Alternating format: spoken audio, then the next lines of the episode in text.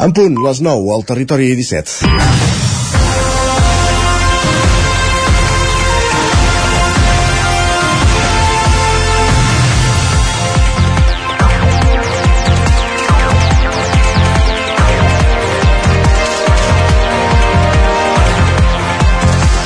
I els Reis han portat pluja ni en abundància ni la que fa falta, però per molt que només sigui un miratge, benvingudes siguin. Els Reis han portat pluja i com que són mags, en la majoria de llocs van superar les adversitats i van desfilar, desfilar amb una cavalcada amb tots els ets i uts, passada per aigua, això sí. Ens hem tornat tots plegats tan meteoròleg dependents que el dia abans ja hi havia qui suspenia cavalcades en l'únic dia de l'any que tens els emissaris reials d'aliats i que segur que mai haguessin fet aquesta recomanació. Però vaja, que els Reis ja van venir, van passar, van deixar els regals i fins i tot entre 8 i 17 litres de pluja en funció dels llocs a diferents punts d'Osona i el Lluçanès.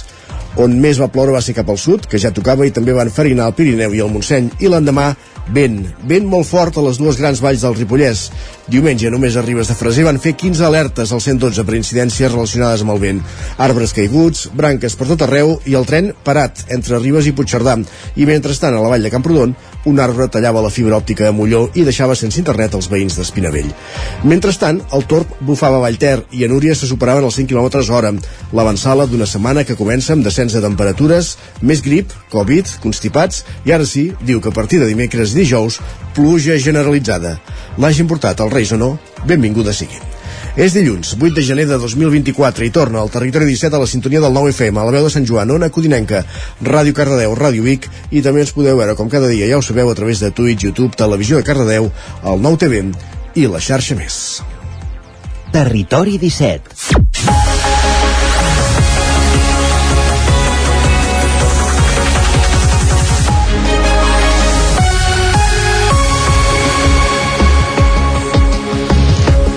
Dos minuts que passen de les 9 del matí d'aquest dilluns 8 de gener de 2024 segur que en aquestes primeres setmanes de programa se'ns escapa més d'un dia el 2023 perquè encara el tenim molt present, molt present i molt recent però ja hem canviat d'any, ja som al 2024 hem superat les festes de Nadal eh, unes festes de Nadal marcades també aquest, en, en, aquest, en aquesta ocasió pels constipats, per la Covid, per la grip, per les infeccions respiratòries que, que són generalitzades pràcticament, podem dir, aquests dies que estan a l'ordre del dia i de la que ningú se n'escapa.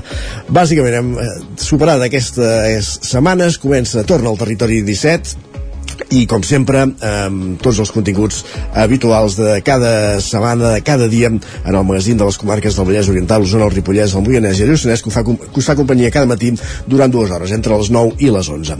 De quina manera? Doncs en aquesta primera mitja hora d'avui dilluns ens dedicarem a aprofundir en les notícies més destacades de les nostres comarques, les notícies del territori 17, en connexió amb les diferents emissores que dia a dia fan possible aquest programa. També farem un cop d'ull al cel i, de fet, en Pep Acosta avui fa un exercici que és fer un balanç meteorològic primer del 2023 i després d'aquests 15 dies que no hi ha hagut programa. Un l'escoltarem a les 9 l'altre a les 10 i com cada dia també repassant el que ens ha de deparar aquestes properes hores, aquests propers dies, aquesta setmana, meteorològicament parlant. I després del temps anirem fins al quiosc, com cada dia amb en Sergi Vives, per repassar les portades dels diaris del matí des del 9 FM. A partir de dos quarts de 10 pugem al tren a la Trenc d'Alba amb l'Isaac Muntades recollint les cròniques dels oferts usuaris de la línia de tren Barcelona-Granollers-Vic, Ripoll-Puigcerdà, aquella que encara, sí, avui encara està tallada en un tram entre Parets i la Garriga per obres, que ahir també va, es va aturar i va haver-hi transport alternatiu al matí entre Ribes i Puigcerdà pel Fort Vent, doncs avui també recuperem la secció eh, parlant, conversant amb els usuaris, amb els oferts, usuaris de la línia.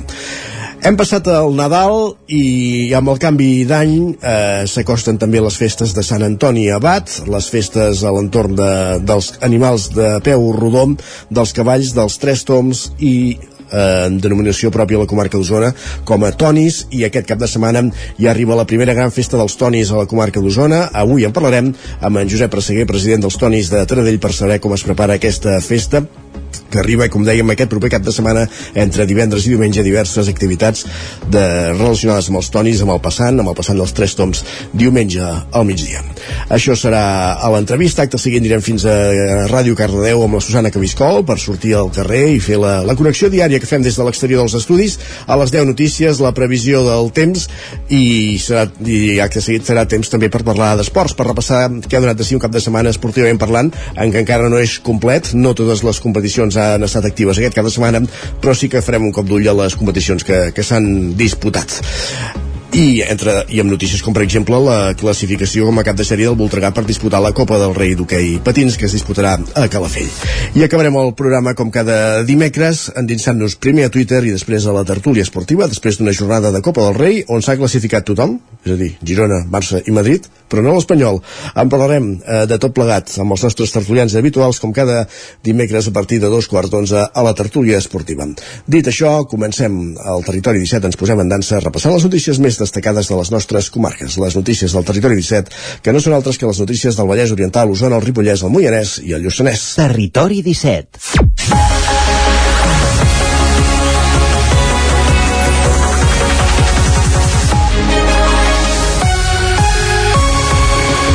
La situació de sequera en la que estem immersos tensiona l'abastament d'aigua a Sant Feliu de Codina. És una situació que ha portat el consistori a sondejar un nou pou i convocar una taula de l'aigua. Roger Rams, Ona Codinenca. Sí, Sant Feliu de Codines podria comptar amb un nou pou de captació d'aigua potable en els propers mesos. Tot plegat passa després que l'Ajuntament i l'Agència Catalana de l'Aigua hagin donat llum verda als treballs de sondeig per construir un nou punt de captació a la zona del Flaquer després que l'estudi que s'ha dut a terme per trobar nous punts amb aigua al terme municipal indiqui que aquesta és la zona més favorable per construir-hi un nou pou. La decisió arriba motivada per l'agreujament de la situació de sequera que ha provocat també un descens de les captacions d'aigua que es fan a Sant Feliu. L'alcalde Pol Capotia explica que aquest nou pou ha de permetre fer front d'una forma més tranquil·la al consum d'aigua del municipi, alhora que també demana un esforç per seguir reduint el consum. Hem donat llum verda perquè es faci aquest sondeig i de moment la data que tenim és a febrer 2024 que faran aquest sondeig. Uh, L'expectativa de, si, de si té un resultat exitós doncs eh, aquí em tindríem el pou Flaquer 3 i ens serviria per respirar una mica més tranquils en quant a l'aigua per d'alguna forma eh, reforçar aquestes captacions que recordem com venim anunciant doncs van a la baixa. Estem captant tal com es pot veure amb les dades que publiquem diàriament molt menys que el que captàvem a l'estiu i els consums, doncs, tot i que s'han reduït lleugerament, els hauríem de reduir més. L'alcalde explica que malgrat segueixen arribant camions cisterna cada dia, fins a 10, durant les festes de Nadal s'ha augmentat el consum i s'han reduït les captacions pròpies, un fet que ha provocat que algunes zones del poble hagin patit ja talls en el seu subministrament. Hem tingut justament ara, en aquest període de Nadal, uns consums molt elevats, imaginem per l'augment de la població, ho atribuïm a això, però tornem a fer una crida doncs, a la població doncs, a prendre consciència aquests consums elevats eh, han suposat que amb una aportació de 10 camions cisterna diaris que ja havíem previst perquè ja preveiem doncs, que, que augmenti aquest consum, però no ha estat suficient i s'ha hagut d'interrompre el subministrament a algunes zones de Sant Feliu. A la zona de Sabrugues doncs, han patit eh, moments, unes hores gairebé sense pressió, la qual cosa doncs, que s'ha hagut de solventar, però ha atribuït aquest alt consum que hi ha, que hi ha hagut aquests dies. L'alcalde s'ha reunit en les darreres setmanes tant amb el president de l'Agència Catalana de l'Aigua com també amb el director d'Aigües Ter Llobregat per mirar de connectar en un futur Sant Feliu a la xarxa. Paral·lelament s'ha fet pública també la convocatòria de la taula de l'aigua per part de l'Ajuntament que se celebrarà aquest divendres 12 de gener i en la qual s'hi explicarà aquesta i altres mesures per fer front a l'escassetat d'aigua. L'alcalde apunta que aquesta taula també servirà per posar damunt la taula algunes accions que ja s'han fet en municipis de l'entorn, com ara incrementar el preu de l'aigua per reduir-ne el consum. Gràcies, Roger. Anem cap al Ripollès perquè l'edifici de l'antiga caserna de la Guàrdia Civil tindrà nou habitatges amb un pressupost pròxim als 800.000 euros. Isaac Muntades, des de la veu de Sant Joan. L'Ajuntament de Sant Joan de les Abadeses va fer l'aprovació inicial de l'avantprojecte de rehabilitació de l'antiga caserna de la Guàrdia Civil, ubicada a la carretera de Camprodon número 33, segons el qual aquest immoble podrà acollir nou habitatges de lloguer social d'entre 70 i 80 metres quadrats, amb el més alt grau d'eficiència energètica. Les obres de rehabilitació rehabilitació tenen un pressupost de gairebé 788.000 euros. L'alcalde Ramon Roquer explicava què s'hi farà. En una primera fase el que nosaltres preveiem eh, és actuar en uns elements més estructurals com és façana, motori, eh, oberta, eh, instal·lació doncs, també la, la caixa de l'ascensor i a veure una mica aquesta primera fase si ja podem entrar a la rehabilitació dels propis pisos, eh? això serà ja una segona fase.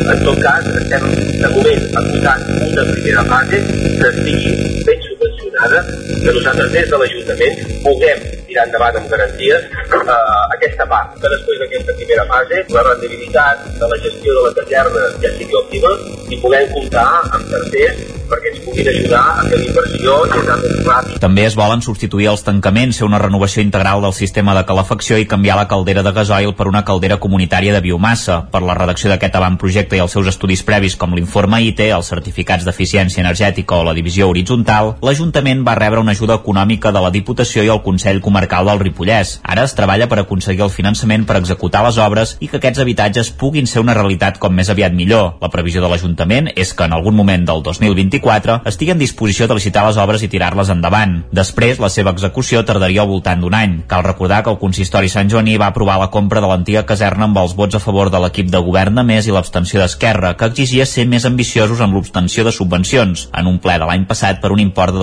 211.000 euros després d'arribar a un acord amb el seu propietari, el Ministeri de l'Interior. La Diputació de Girona va subvencionar la inversió en l'adquisició de tres dels nous habitatges de l'antiga caserna amb una quantitat de 63.300 euros. Per tant, l'Ajuntament hi hauria de posar menys de 150.000 euros de fons propis que s'han de pagar de manera fraccionada en els pròxims anys. Gràcies, Isaac. I a Cardedeu han acabat ja les obres de la nau 3 de la Tèxtil Rasa, la fàbrica de cultura.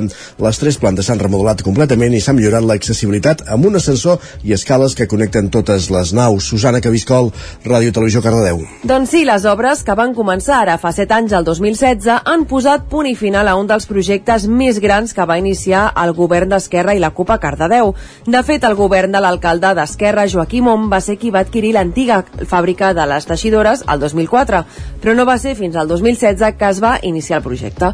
Les actuacions d'aquesta nau 3 han consistit en la remodelació integral de les tres plantes, la zona més malmesa i deteriorada pel pas del temps. En les plantes baixa i primera s'hi han col·locat armaris i diversos magatzems per entitats i s'han rehabilitat totalment cinc sales de la segona planta per fer-hi tallers, reunions o activitats similars.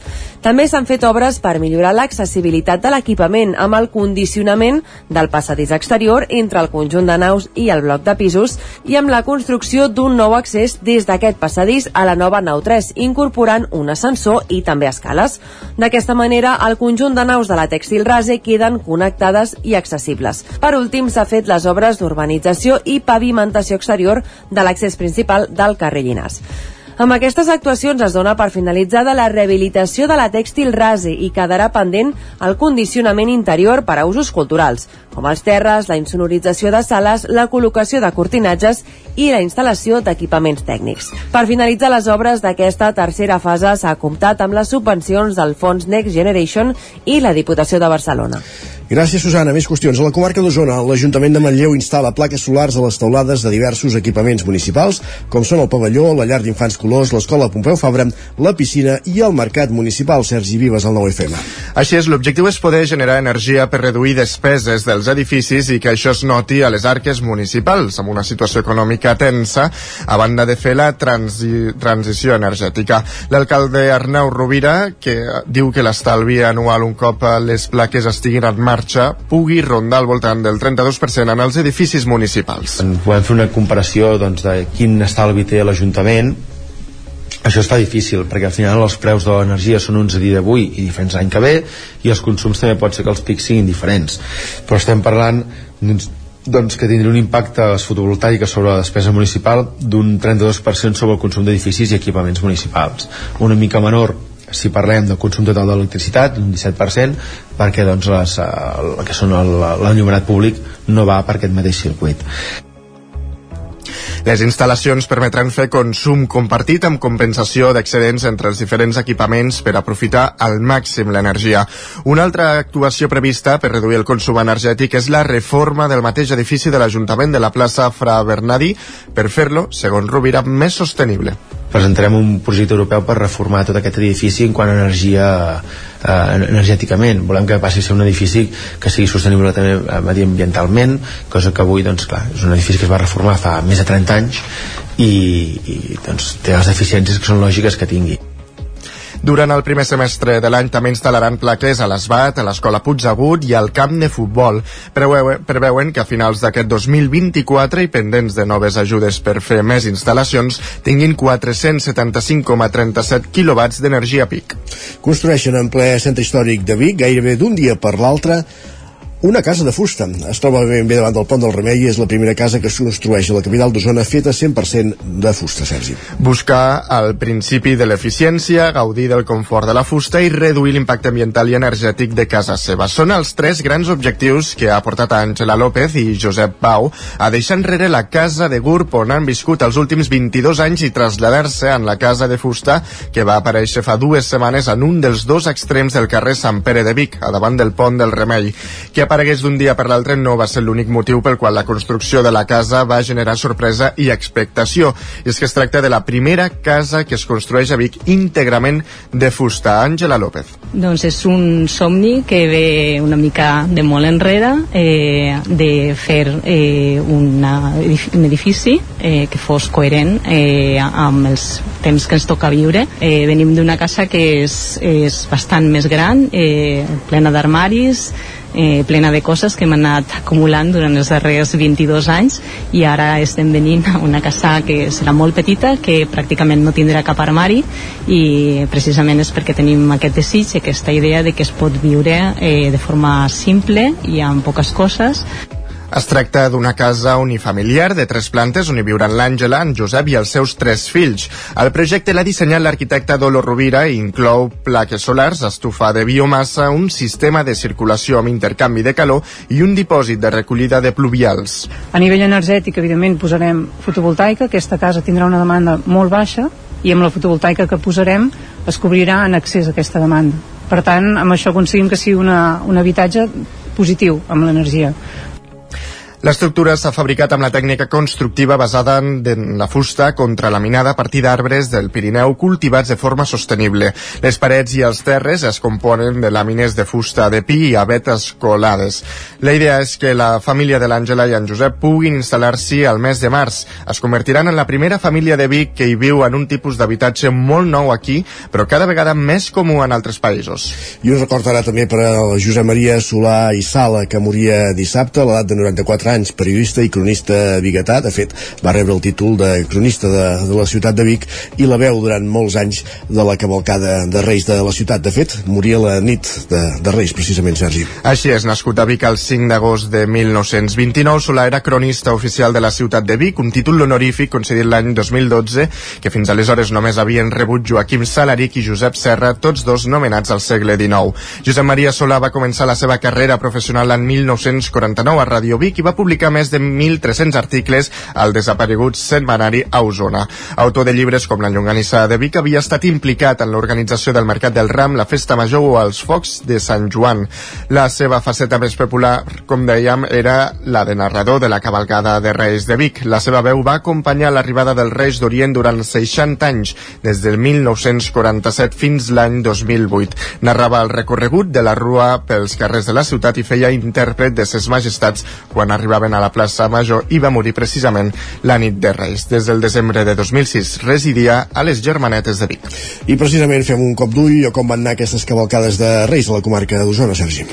Doncs uh, va ser una nit uh, de fanalets i paraigües. A Vic es va plantejar escurçar el recorregut si la pluja fos intensa, tot i això la cabalgata va seguir l'itinerari llarg amb el seguici de 12 carrosses i més de 800 participants. A Manlleu l'Ajuntament ja havia anunciat 24 hores abans que l'arribada dels Reis que traslladava, que traslladava tota la rebuda al pavelló davant de les previsions de pluja. A cobert no solament hi va haver la rebuda de ses majestats, sinó que va estar acompanyada de coreografies d'il·luminació i tot un espectacle. A Taradell d'ell, en canvi, van ser entre els més agosarats. Més de 150 patxes van acompanyar els reis a la cabalgata i van ser precisament ells els que van demanar fer-la quan la comissió estava estudiant suspendre-la. Va ser més curta, això sí, es va anar directament pel carrer de la Font al pavelló. A Centelles i Torelló els reis també hi van arribar amb normalitat, tot i això també es va escurçar el recorregut. Doncs amb els Reis arribem al final d'aquest repàs informatiu que començàvem a les 9 en companyia de Susana Cabiscol, Isaac Montades, Roger Rams i Sergi Vives. Moment de saludar en Pep Acosta.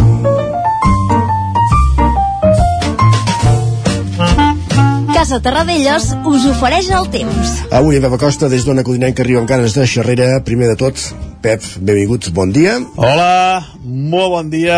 Bon any. Molt bon any.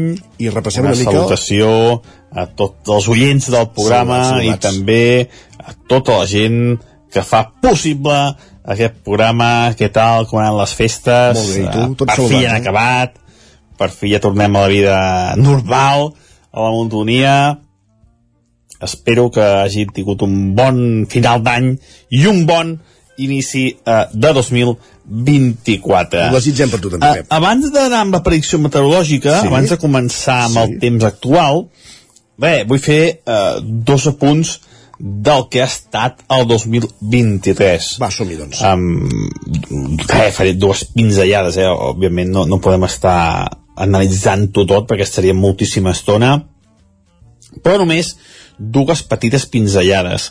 Uh, a grans trets, ha estat l'any, uh, el segon any més càlid des de que, que hi ha registres, podríem dir. Uh, el 2022, l'any- el- fa dos anys va ser l'any més càlid enregistrat a Catalunya, estic parlant de Catalunya, eh? i el 2023 és el segon, ha quedat a prop de 2022, però per sort no ha estat l'any més càlid des de que hi ha registres. A destacar, eh, mm, ja que estic parlant de que ha estat el segon any més càlid des de que hi ha registres meteorològics, és important aquest matís, eh, des de que hi ha registres meteorològics, um, destacar uh, tres dates. Destacar el 18 de juliol, amb, amb un pic de calor que no s'havia vist mai, uh, també a les comarques, una cosa enorme, una calor enorme aquell dia, amb moltes, moltes màximes per sobre dels 40 graus en moltes poblacions, una onada de calor molt llarga i molt potent entre el 18 i el 25 d'agost, que va deixar també registres um, molt, molt importants, les temperatures molt altes, durant molts dies, uh, més de 40 graus, ben bé 5 o 6 dies seguits, uh, realment uh, uns valors uh, massa alts, massa alts, i també a destacar la calor que va fer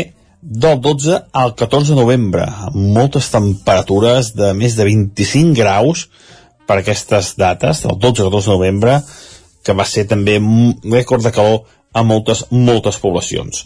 Doncs ja veiem, eh? Uh, podem veure això, eh? Que ha estat un any molt càlid el 2023. I també ha estat un any molt, molt sec. Això sí que ens també preocupa moltíssim, i és que especialment a les nostres comarques, eh, a les nostres poblacions, nostres boscos, és dels llocs de Catalunya on menys ha pogut.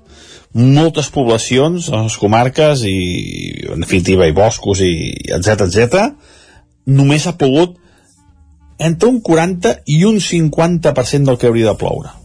Per tant, eh, mirant, mirant valors absoluts, en moltes zones ha plogut entre 300, 400 litres, sobretot del Vallès, eh, també del Moianès. Aquestes dues comarques són on ha pogut menys les nostres eh, poblacions i han estat això, entre 300 i 400 litres, quan normalment estan entre 600, 700, 800 litres el que hauria de ploure. Per tant, és, és, és un dèficit d'aigua molt important que ja l'arrosseguem del 2022 i del 2021. Per tant, la sequera que es va accentuant.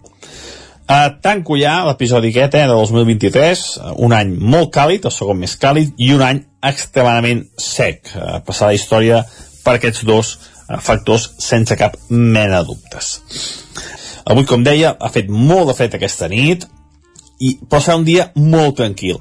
Avui ja no nevarà al Pirineu, no plourà en lloc, farà molt de sol i les temperatures per això seran molt i molt baixes. Moltes màximes no passaran ni dels 10 graus. Eh, que al peritoral poden superar una mica els 10 graus, però molt poc. Eh? Farà un dia de cru hivern, un dia molt, molt, molt de fred. Uh, i, el, i, I només per avançar una mica el temps, de cara a dimecres i jous, es, es forma una pertorbació, una pertorbació al Mediterrani i ens podia, ens podia portar inestabilitat, una mica de llevantada i per tant la situació podia ser molt beneficiosa amb força, força pluja i una cota de neu d'uns 1.000 metres. La vegada podia ser molt important a partir de 1.000 metres, sobretot cap al Pirineu Oriental.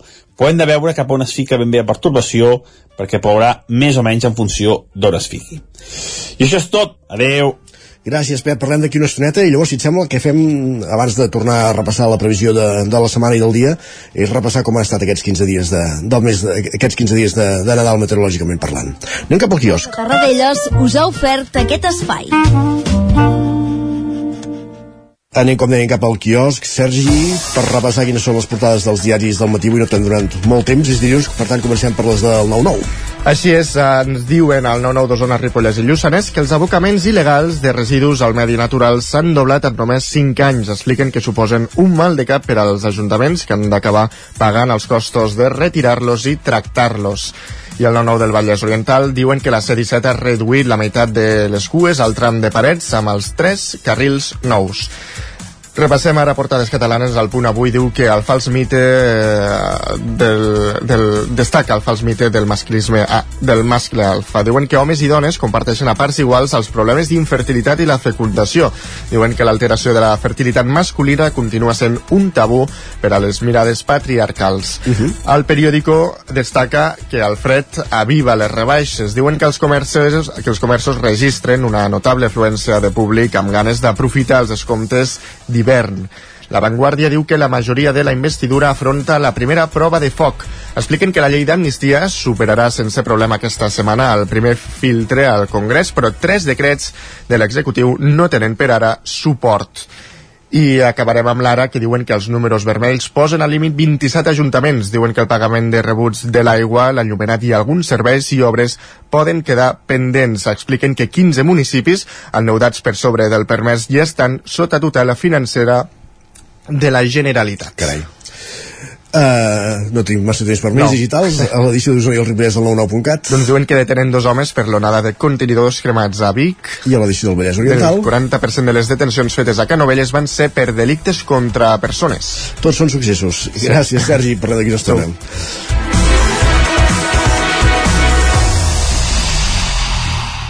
El nou FM, la ràdio de casa, al 92.8. Cobertes serveis funeraris. Els nostres tanatoris estan ubicats en els nuclis urbans més poblats de la comarca d'Osona per oferir un millor servei. Tanatori de Vic, Tanatori de Manlleu, Tanatori de Centelles i Tanatori de Roda de Ter. Sabem que són moments difícils i per això el nostre compromís és atendre-us en tot moment amb un tracte humà, sensible i respectuós. Cobertes serveis funeraris. Telèfon 24 hores 93 883 23 46. Ho han dit avui, al 9FM? Ai, no ho he pas sentit. Tot té solució. Recupera programes, seccions i entrevistes del 9FM al 9fm.cat. Des de ben petit tindre un somni que és obrir un restaurant. Han sortit moltíssims llibres. Et demanen dades que, per altra banda, l'administració ja hauria de tenir. I ja no com a ramadera, sinó com a ciutadans. Nosaltres intentem que tothom pugui marxar amb un croissant. I trobaràs també tots els nostres podcasts. L'infopodcast del 9-9, cada matí a partir de dos quarts de vuit.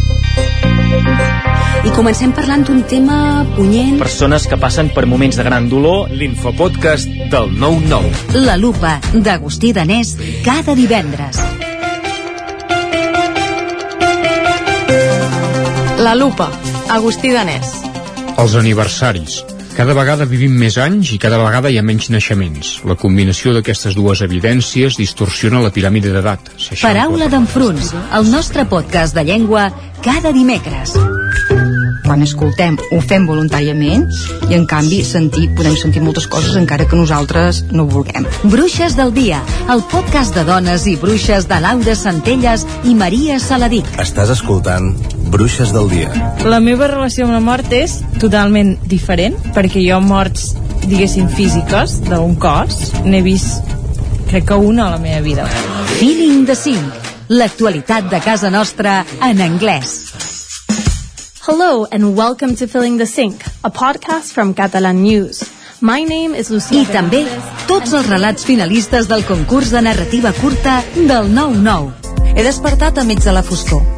Tinc la boca seca i els ulls El 9fm.cat, la ràdio en línia i els podcasts del 9FM. Cada dimarts a les 11 de la nit, al 9FM, repàs de l'actualitat esportiva a la banqueta. Anuncia't al 9FM. La màquina de casa. 9 3 8 8 9 4 9 4 9. Publicitat arroba al 9FM.cat. Anuncia't al 9FM. La publicitat més eficaç.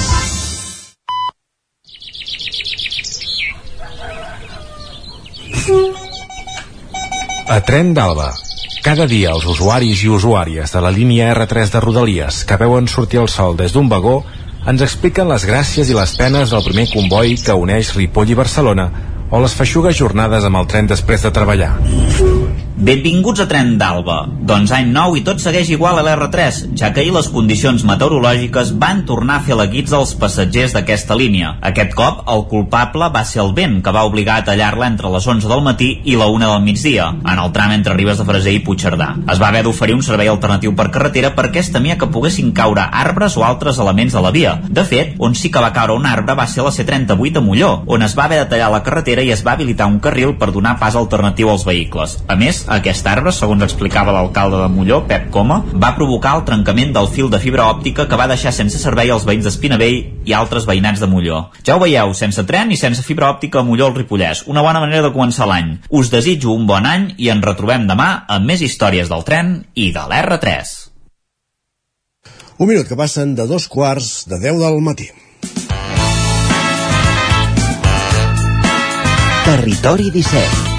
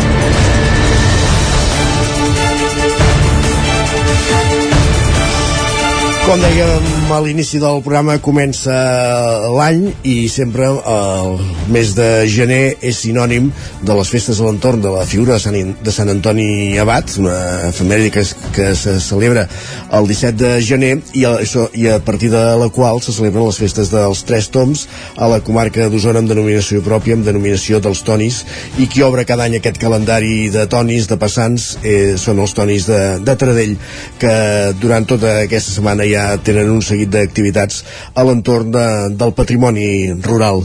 Josep Presseguer, president dels Tonis de Taradell, bon dia i benvingut al Territori 17. Bon dia. Tot a punt per la festa dels Tonis? Sí, home. Eh, això ja és... Ja ho teniu aquí mateix, eh? Que ho portem perquè ja és una cosa que treballem l'any per l'altre i doncs, bueno, ja tenim ganes que arribi aquest cap de setmana per, Mm -hmm. Ara... tota la feina que hem fet poder ensenyar. Exacte, és l'important.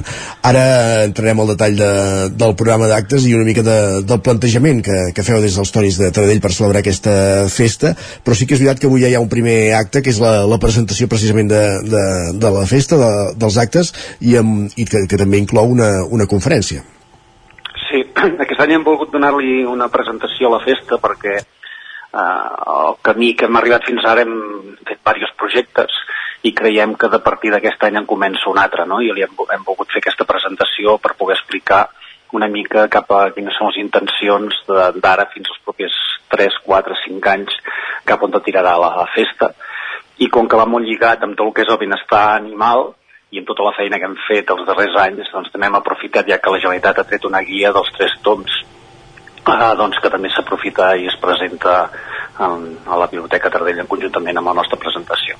Uh -huh. uh, benestar animal és una cosa que, que fa anys que som conscients que els tonis de Tradella els preocupa perquè també esteu en el punt de mira moltes vegades d'associacions animalistes i heu fet un treball important en aquesta línia els darrers anys Sí, sí, home, si avui podem presentar conjuntament nosaltres vam ser molt criticats perquè havíem pactat amb, amb FADA no?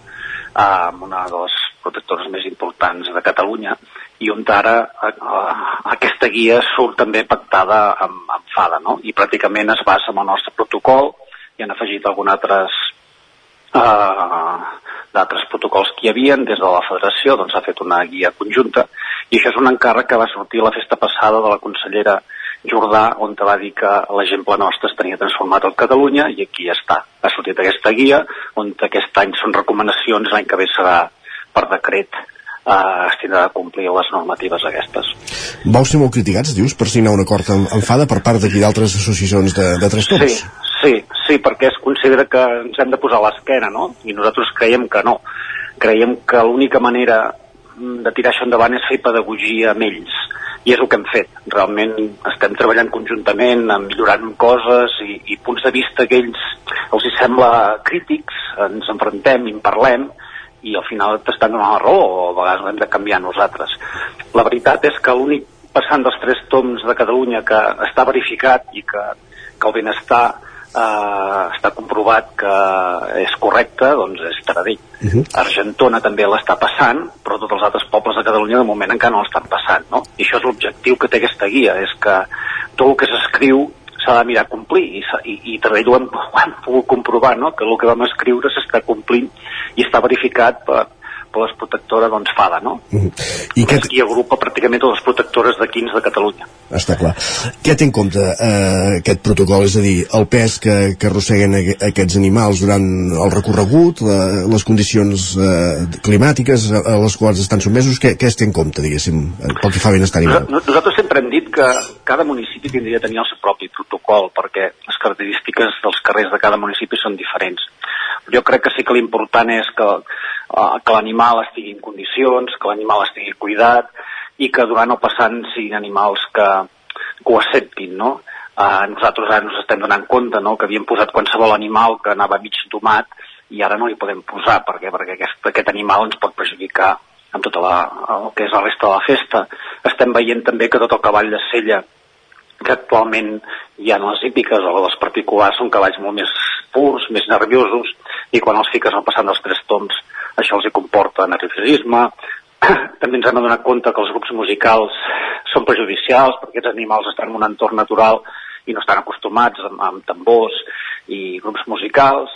Ens hem donat compte que quan cada bar feia gràcia doncs, que tragués la llangonissa i la coca, que això era tradició tots els, els passants dels tres toms arreu de Catalunya, que això era prejudicial perquè a tirar i, a, i parar, tirar, parar, tirar, això és un estrès per l'animal, que vol els animals arrencar i anar tirant, tirant, tirant i fer un trajecte eh, ràpid.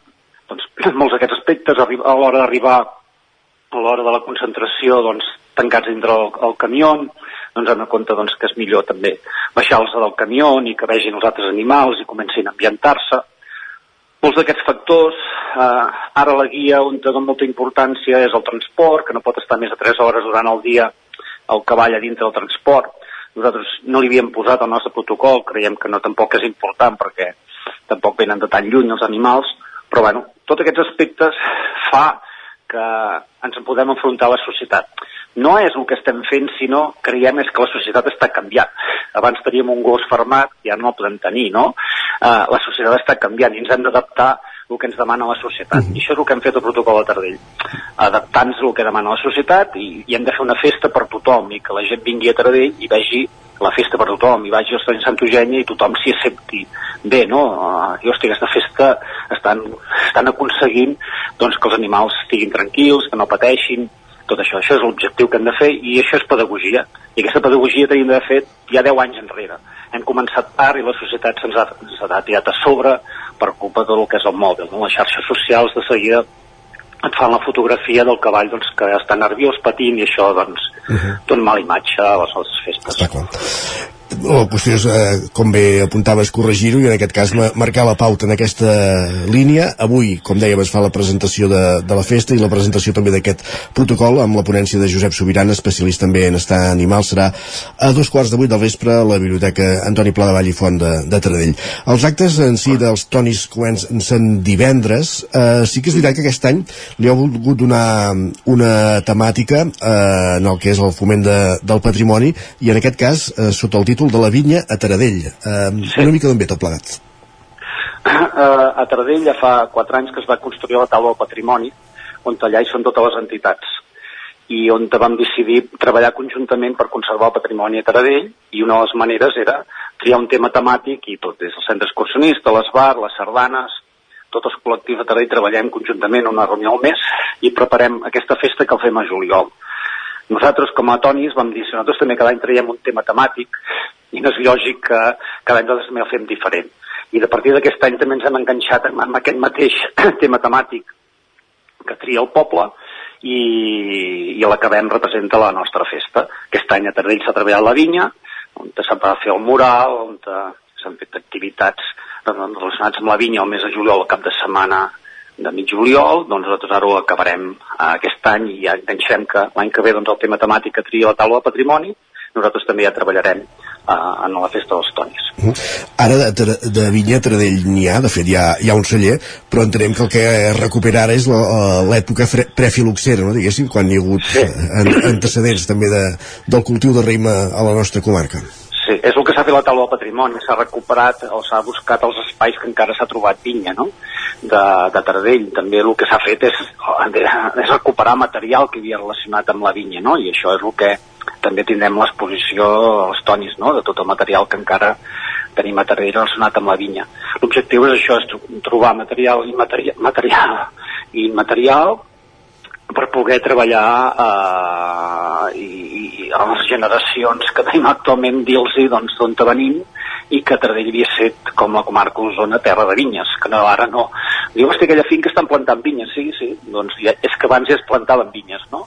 I va desaparèixer i ara hi tornem, no? I doncs, bueno, doncs una manera de recuperar històricament, doncs, doncs d'on venim. I això tindrà alguna visualització durant el passant? Per exemple, hi haurà un carro ornamentat amb, amb, amb bot, amb vinya? Sí, sí, sí. Les escoles van, han arreglat els carros relacionats amb la vinya i nosaltres li hem donat molta importància a carros carregats amb botes. Totes les botes que hem anat recuperant aquest any doncs aniran totes carregades al carro i el que no hi van estaran exposades al Centre Cultural Costifon a l'exposició. Uh -huh.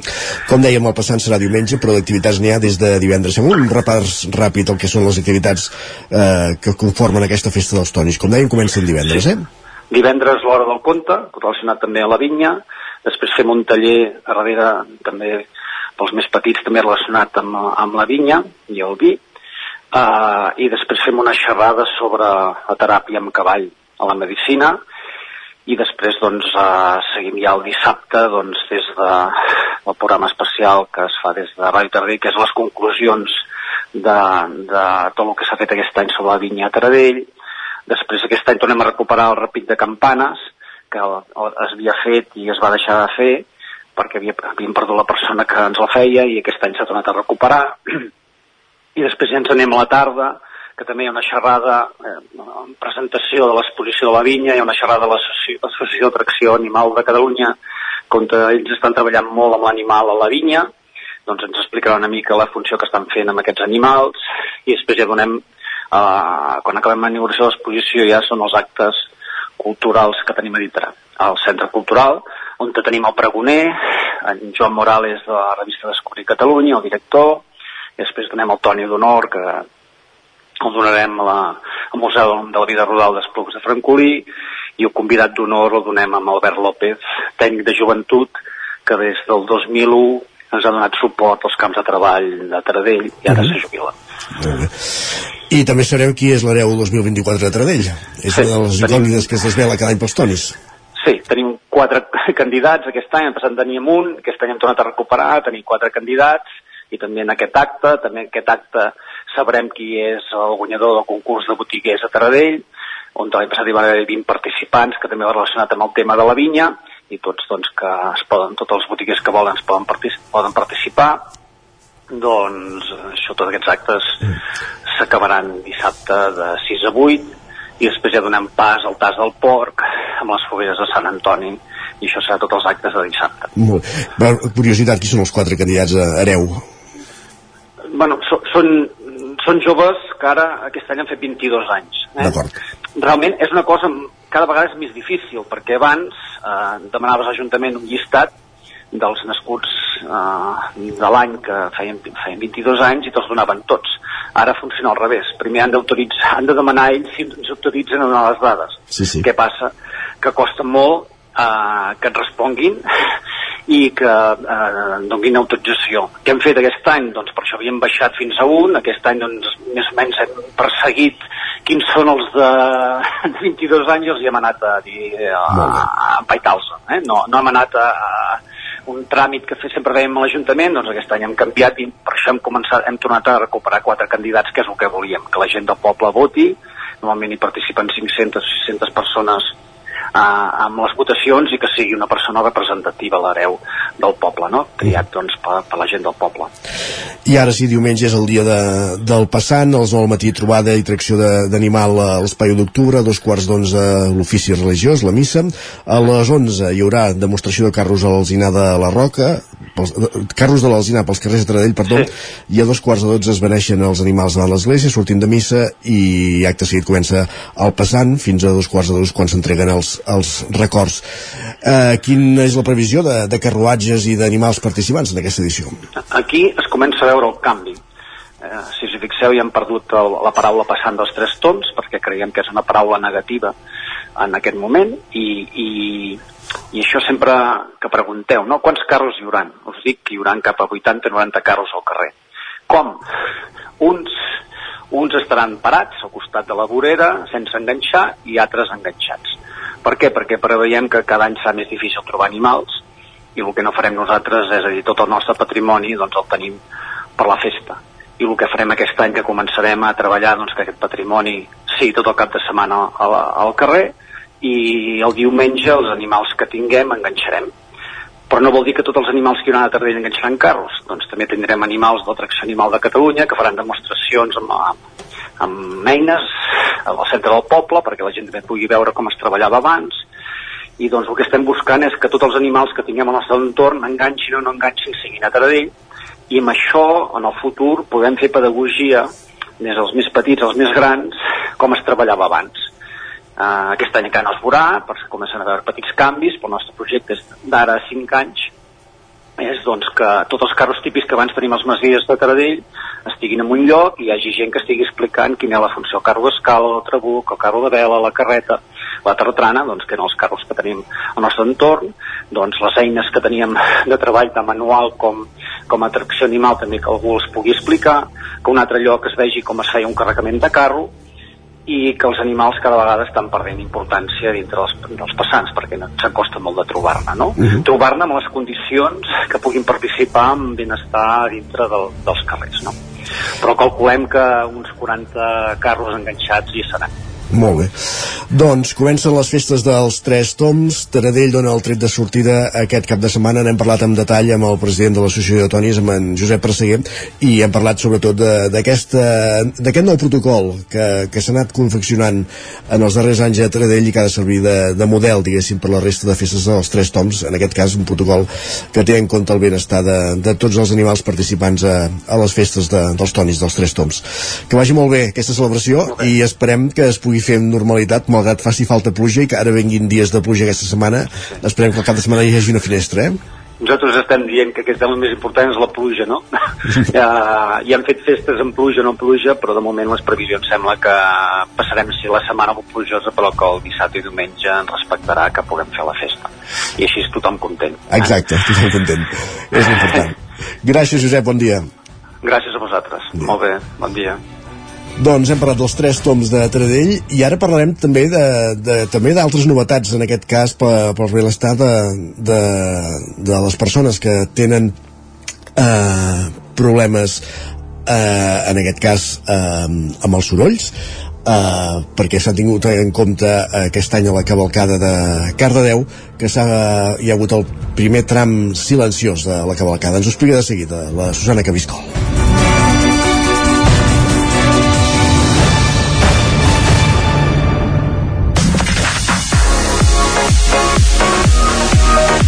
Territori 17 10 minuts i seran les 10 del matí.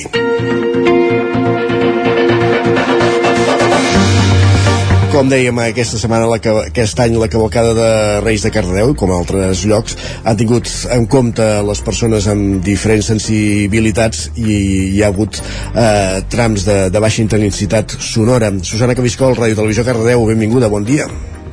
Hola, bon dia Isaac. Doncs mira, sí, com deies, comencem la primera connexió de l'any parlant de la cavalcada de Reis i és que aquest any, eh, a més d'estar marcada per la pluja, que ja era una molt bona notícia, eh, va estar marcada per la inclusió. Uh, jo sóc a l'Ajuntament amb la Noelia Cortés, la regidora de Capacitats Diverses. Bon dia, Noelia. Moltes gràcies per atendre'ns.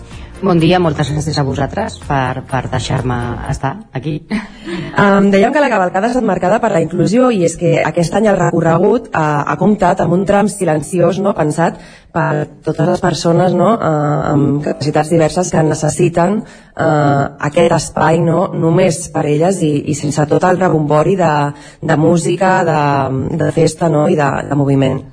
Sí, eh, bueno, mm, dir-vos que la prioritat de l'Ajuntament és una de les prioritats, com sempre dic, és la inclusió. La inclusió i que totes les activitats, eh, tot el que es faci, tota la feina que es faci, inclogui a tothom. Tothom, infants, gent gran, això vol dir mm, qualsevol tipus de, de, de persona. Tenim els, els infants que, mm, que, bueno, que, que com tu dius, eh, tenen, té, a veure, molta sensibilitat als sorolls, a les llums, i, i s'ha fet aquest tram silenciós per això. Mm, vam pensar que mm, seria bo que poguessin baixar els reis, que els atenguessin directament, que poguessin parlar, que els poguessin veure, que els poguessin tocar, poguessin donar la seva, la seva carta perquè curiosament eh, de tot el que en quedo d'aquella tarda que ara explicaré eh, és una frase que vaig sentir que és eh, aquest any sí, aquest any sí que no els veurem a la tele, estarem allà amb ells i això mm, et fa reflexionar molt Uh, en què va consistir exactament aquest temps silenciós? Perquè era un tros de carrer, no?, i després a part també a, a la biblioteca Marta Vilava. Sí, era un tros de carrer que anava, era la, el carrer Doctor Klein i anava des de Mare de Déu del Pilar fins a Àngel Guimarà.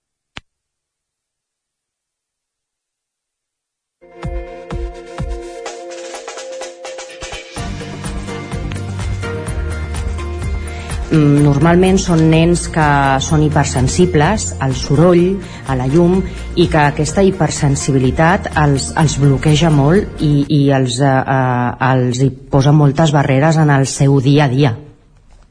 Des de Radio Televisió de Cardedeu vam retransmetre en directe la, la cavalcada i vam viure moments molt emotius quan ses majestats, eh, els Reis d'Orient, van, van visitar la biblioteca. Sí, mm, ja em veu veure a mi també. sí, és, eh, és molt emotiu i personalment per mi és dir, doncs, mm, ho he aconseguit part del que sempre he estat, mm, he estat treballant per això. Uh -huh. bueno, jo, mm, des de l'associació Amics d'en Biel, sempre he treballat perquè, perquè hi hagués una inclusió real el meu fill, eh, com tothom sabrà, té una discapacitat física eh, i bueno, sempre dic que, mm, que eh, la discapacitat física es veu però la discapacitat intel·lectual, la diversitat, la neurodiversitat no es veu.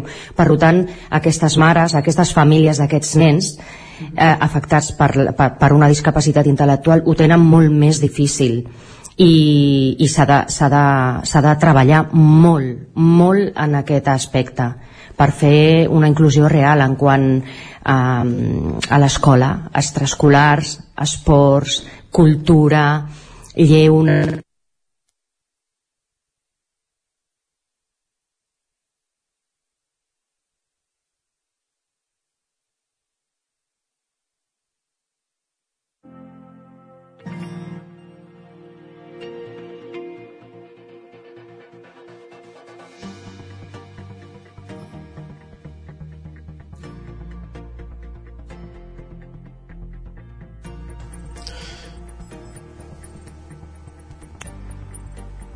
Sabem que tenim que hi ha poques persones, pocs infants afectats, però en tenim molts.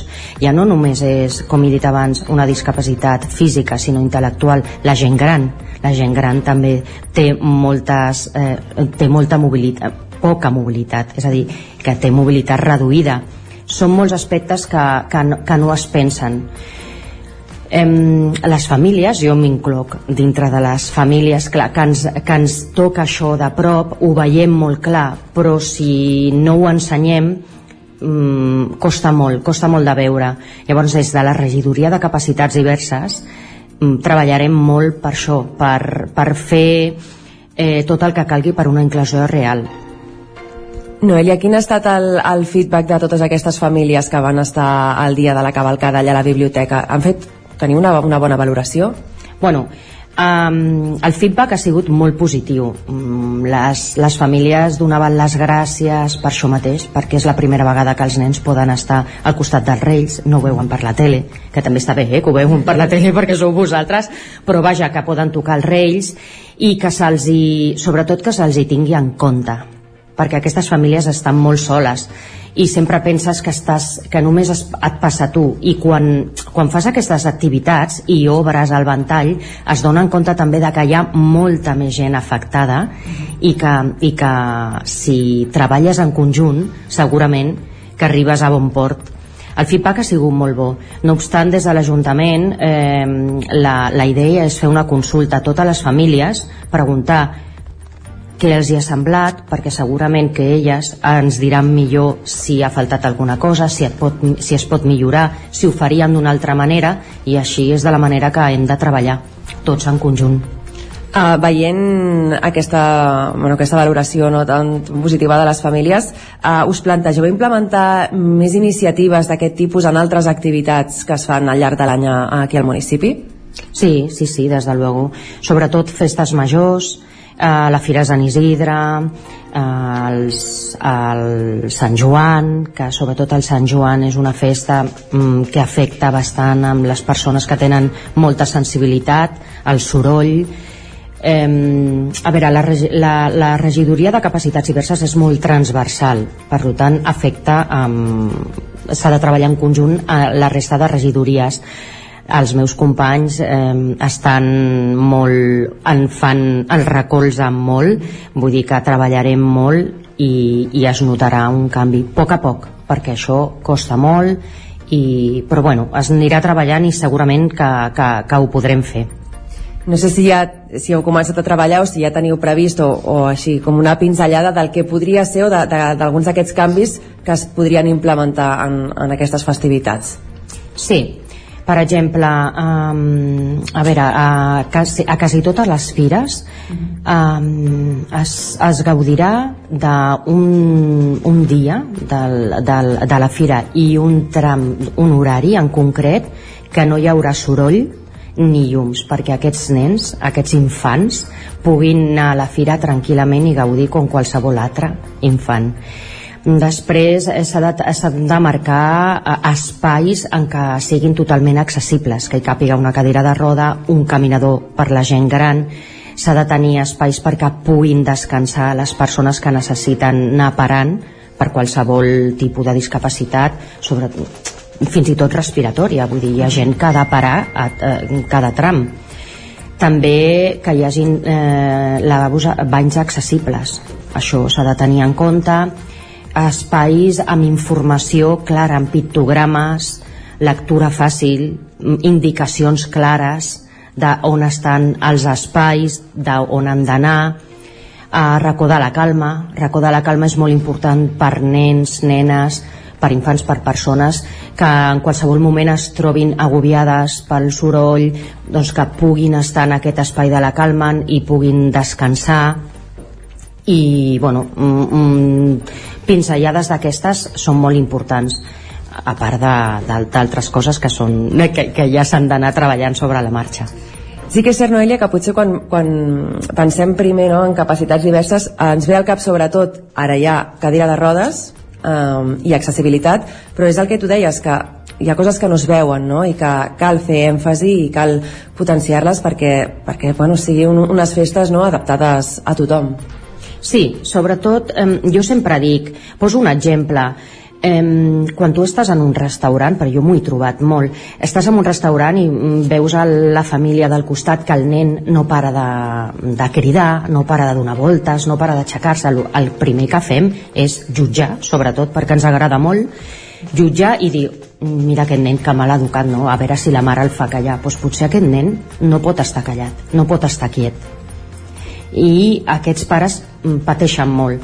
La gent els mira, es fan comentaris i arriba un moment que els pares mm, s'estimen més quedar-se a casa perquè a part del problema que tenen amb el seu fill tenen el problema de, de la gent que, que, que no som empàtics exacte llavors clar, mm, això s'ha de pensar abans de jutjar tindrien que, que aprendre a gestionar aquestes situacions igual que els pares la resta de, de, de població això és un clar exemple del que passa sempre doncs Noelia, moltíssimes gràcies. Anirem seguint de, de ben a prop totes aquestes iniciatives que s'aniran implementant en totes aquestes festivitats de, del municipi i moltíssimes gràcies per, per estar avui aquí amb nosaltres i per explicar-nos-ho.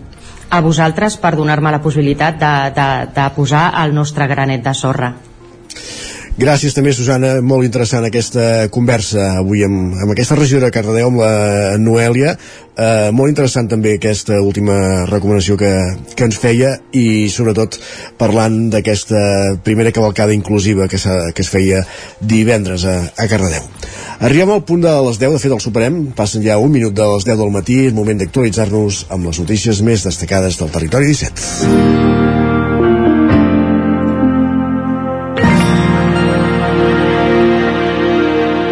Territori 17 Notícies al territori 17, notícies amb les connexió que dia, amb les emissores que dia a dia fan possible aquest programa, notícies del Vallès Oriental, Osona, el Ripollès, el Moianès i el Lluçanès per explicar-vos aquesta hora que Vic, l'any 2023, ha sigut el segon més càlid des de 1950, any que, en, des, des del qual es tenen dades, els primers registres. I aquests darrers 3 anys són els consecutius que ha plogut menys des que es tenen aquestes dades, Sergi Vives, al 9FM. Temperatures més altes i menys pluja. Ja fa 36 mesos que arrosseguem arrosseguem una sequera que s'ha intensificat encara més aquest últim any.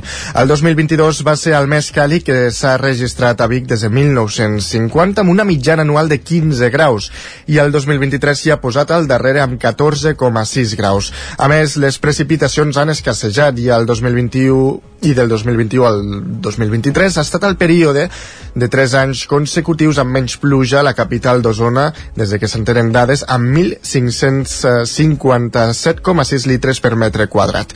Cap municipi de la comarca ha arribat a la precipitació climàtica que li tocaria aquest 2023. A Vic hi ha, hi han caigut 584,6 litres d'aigua, 124,6 menys que la mitjana anual que des de 1950 s'ha establert a 709,17 litres i més de la meitat de l'aigua que va caure a Osona aquest 2023, un 60%, ho va fer en només dos mesos, al maig i al juny. L'exemple de Vic i d'Osona es pot extrapolar a tot el territori català. De fet, la Generalitat ja ha anunciat que aquest mes de gener Catalunya entrarà en estat d'emergència per sequera i això obligarà a prendre diverses mesures.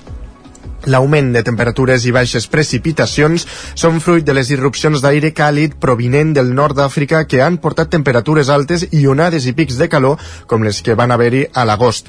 Aquestes han fet que les entrades de pertorbacions atlàntiques, que van més carregades de fred i pluja, quedin estancades a zones de l'oest de la península com Galícia i Astúries, on en alguns punts hi ha arribat a caure fins a 4.000 litres per metre quadrat.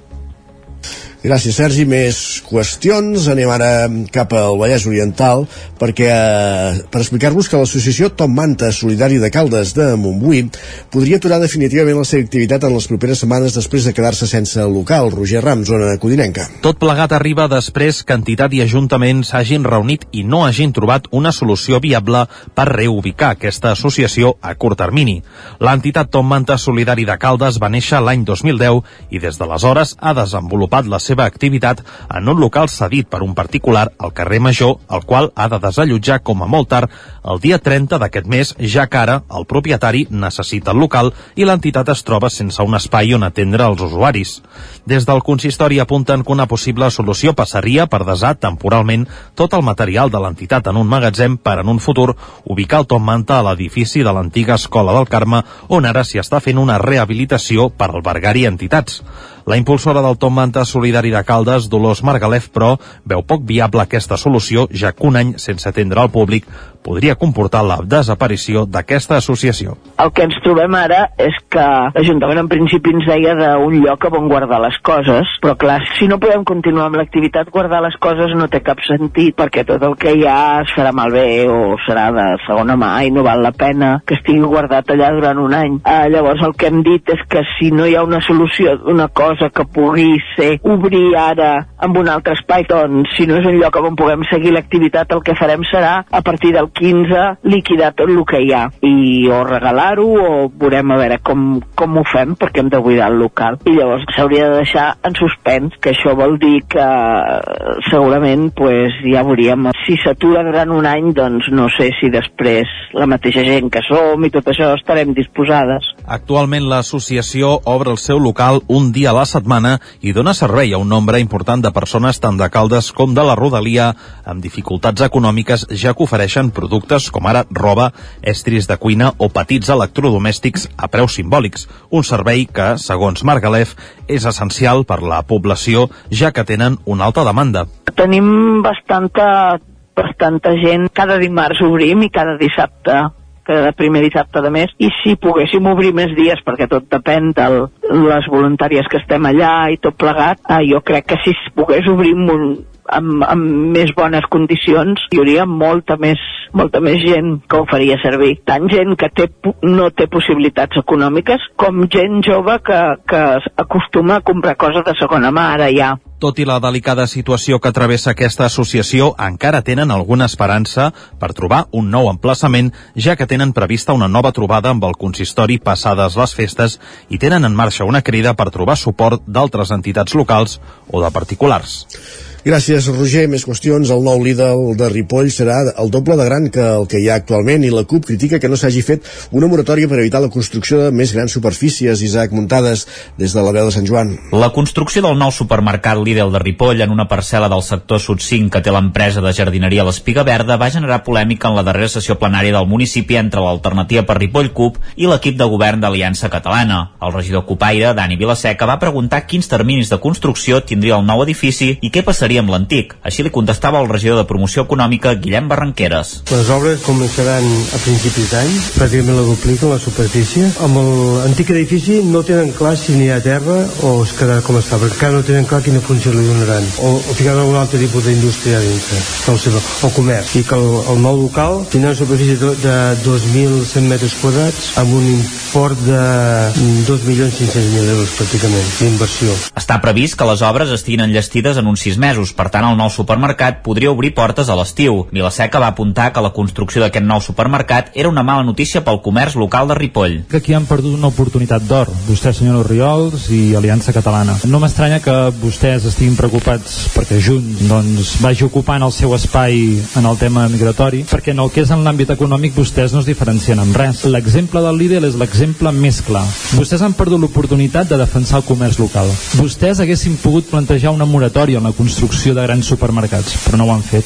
Han donat llum verda a la construcció d'un Lidl nou, de, a més a més, el doble de capacitat que té actualment. Senyor Formatger, vostè ja pot anar fent campanyes a favor del comerç local, ja pot anar fent, perquè promocionar el comerç local, si llavors no tenim en compte construir grans superfícies, no serveix absolutament de res. La diu de l'alternativa va recordar que el comerç local és el cor de la comunitat ripollesa perquè allà hi floreixen relacions humanes, es coneixen les persones pel seu nom i no com a clients. És el principal creador d'ocupació de la la vila fomenta l'economia circular, és més sostenible i és part de la identitat cultural del poble, unes característiques que a parer de Vilaseca no tenen les grans superfícies. L'alcaldessa Sílvia Oriols va reconèixer que Ripoll tenia massa grans supermercats, però va matisar que no se n'obriria un de nou, sinó que se substituïa l'antic. A més de recordar que això venia del govern anterior, l'alcaldessa va apuntar que fer una moratòria de llicències d'obra no arreglaria el problema perquè tard o d'hora l'haurien d'acceptar si es complien els requisits legals. També li va etzibar que s'havien trobat comprant en una gran superfície, un fet que Vilaseca va trobar irrellevant i va dir-li que procura comprar al petit comerç i al mercat setmanal de la vila sempre que pot. Més qüestions. Els sindicats han aturat el decret que ha de regular la feina dels auxiliars veterinaris que treballen als escorxadors. Reclamen que se'ls mantinguin les condicions salarials i que no els divideixin en quatre o cinc empreses diferents per poder garantir la seva la independència del servei. Sergi. La seva tasca és molt desconeguda, però actualment són 217 professionals a Catalunya d'una empresa contractada pel Departament de Salut, Apil AgriFood Group, que treballen físicament als escorxadors i que s'encarreguen de garantir la seguretat alimentària de tots els productes que surten d'un escorxador. El, con, els concursos públics per prestar aquest servei, però, acaben sempre amb al·legacions de les empreses que el perden i l'administració es veu abocada a encadenar un contracte d'emergència rere un altre. Ara la Generalitat vol resoldre aquesta anomalia amb un nou decret que fins al moment ha topat amb l'oposició dels treballadors. Les primeres informacions que han tingut del decret no han agradat i voldrien que el nou document garantís les seves condicions laborals i salarials. Jordi Pasqual forma part del comitè d'empresa i sobretot que ens escoltessin a l'hora d'explicar-los al Departament de Salut el que era la independència del servei. Llavors, amb el Departament de Salut hem pogut aconseguir una taula de diàleg on ens deixaran participar en la redacció del nou decret i creiem que a partir d'aquí podria ser una solució. Les empreses acreditades que sortiran d'aquest decret que puguin prestar el servei seran les que els escorxadors contractaran els auxiliars oficials d'inspecció veterinària, no? I per definició jo crec que la independència del servei ens pot crear un problema. Per això la nostra intenció d'explicar-li bé bé al Departament de Salut des dels sindicats temien que amb el nou decret els auxiliars d'inspecció veterinària poguessin quedar repartits en quatre o cinc empreses i que a més a més el contracte el pogués fer el mateix escorxador, la qual cosa faria dubtar de la independència del servei de prestacions que podrien arribar per l'escorxador que en contractava. I ara mateix estem amb una empresa, nosaltres estem bé, no tenim cap problema i som un grup, un col·lectiu de 217 persones com us hem comentat abans, som compactes, som forts, som bons professionals i creiem que en l'atomització del servei quedarien partits, en la qual correria perill els, els, els temes laborals salarials nostres i creiem que això sé que tindrà molt, molt en compte, no? perquè és un canvi radical al model que teníem fins ara, clar. Ara s'obre un nou període de negociació de dos mesos prorrogables a sis. Paral·lelament, des de l'1 de gener s'ha activat un nou contracte d'emergència fins a la nova licitació prevista per aquest 2024 i que es podria prorrogar també als anys 2025 i 2026. En qualsevol cas, si s'assoleix un acord a la mesa i s'aprova un nou decret, establiria les bases del nou concurs. Gràcies, Sergi. Acabem aquest repàs a Sant Celoni, al Vallès Oriental. L'alcalde i el regidor d'Esports s'han reunit amb representants dels usuaris del Centre Municipal d'Esports Sot de les Granotes per acordar quines han de ser les mesures compensatòries degut a les incidències a les instal·lacions del centre. Susana Cabiscol, Ràdio Televisió Cardedeu. Així és, Isaac, aquest dissabte, Eduard Ballonesta, alcalde de Sant Celoni, i Albert Plana, regidor d'Esports, es reunien amb tres representants dels abonats del Centre Municipal d'Esports per posar-se al dia sobre les incidències a les instal·lacions i acordar unes mesures compensatòries. L'aigua calenta, la climatització i la deshumectadora són algunes de les incidències que fan que el funcionament del centre no sigui el correcte i que estigui afectant a les persones usuàries de manera negativa. El consistori ha demanat a l'empresa concessionària del servei que aporti solucions transitòries per tal que les incidències afectin al mínim possible els abonats, sobretot pel que fa a la climatització i aigua calenta, mentre es troba una solució definitiva. L'averia de la deshumectadora, però, ha obligat a restringir l'ús de la piscina, que seguirà tancada almenys una setmana més, fins que puguin anar els tècnics a fer la reparació de l'aparell, que està en garantia. Davant d'aquesta situació, l'Ajuntament ja va proposar als usuaris la congelació de les tarifes i poder suspendre la quota temporalment. Ara les persones usuàries també podran reclamar que se'ls descompti part de l'import de la tarifa mensual en funció del grau d'afectació de les incidències. Per tal de poder fer aquestes reclamacions, l'Ajuntament posarà a disposició dels abonats un model de sol·licitud a la recepció i a l'aplicatiu del centre esportiu. Gràcies, Susana. Acabem aquí aquest repòs informatiu que començàvem a les 10 en companyia de Susana Craviscol, Isaac Montada, Sergi Vives i Roger Rams. Moment de saludar de nou en Pep Acosta.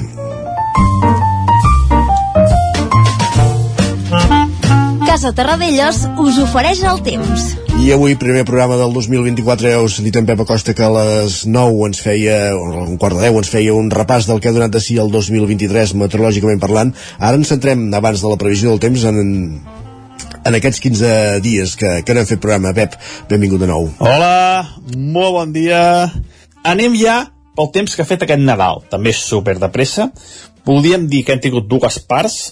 Fins al cap d'any, un temps anticiclònic amb unes temperatures màximes molt altes, unes mínimes fredes, fora de la zona de les boires, on hi havia boires, sobretot cap, a, cap al Pla Naví, també algun punt de Mollanès, aquests punts eh, sí que la boira ha fet que la temperatura màxima fos, fos baixa i la mínima també. Hi havia molta inversió tèrmica més, eh, feia més fred a les fondalades eh, que no pas a, a les muntanyes i això eh, va ser un fet molt important ben bé fins cap d'any. A partir de cap d'any la situació va canviar, eh, van començar l'anticicló es va retirar, van començar a venir frots atlàntics i mica en mica ha fet més fred a tot arreu i també algunes precipitacions. Eh? Ha començat a, a, a ploure i per fi la nit de Reis, la nit del 5, vam tenir unes precipitacions que feia uns 4 o 5 mesos que no teníem en moltes ciutats, eh, pobles, eh, que van rebre entre 15 i 20 litres, eh, que va ser un autèntic regal eh, per a aquestes poblacions. Eh, ha quedat clar, eh? eh per eh, aquest Nadal, dues parts del temps, de, abans de cap d'any, que va ser un temps anticiclònic amb molta inversió tèrmica i fred de nit i boires, i a partir del cap d'any que es va animar la cosa amb molt més fons atlàntics i per fer una mica de precipitació. I què tenim ara? Doncs estem um, amb el fred més intens des que ha començat l'hivern, a temperatures molt baixes aquesta nit, atenció, al Pirineu, que han baixat a 12, 15 sota zero, alta muntanya, i atenció també cap a la comarca d'Osona, amb mínimes de 6, 7, 8 sota 0, molt de fred que ha fet a, a aquesta nit, uh, un fred molt, molt de cru hivern, eh? per fi tenim aquí l'hivern de la seva manera uh, més, més forta. I el vent, el vent ha estat protagonista aquest cap de setmana. Amb molt de vent a les, a les comarques uh, del Pirineu, uh, zona de Ter, això ha bufat un torb molt important i ha fet eh, que la sensació de fred encara sigui molt més, molt més acusada. Però eh, estem pendents, estem pendents d'una pertorbació que podria arribar entre dimecres i dijous. Però anem a pams, anem a pams. Avui, com deia, ha fet molt de fred aquesta nit, i, però serà un dia molt tranquil.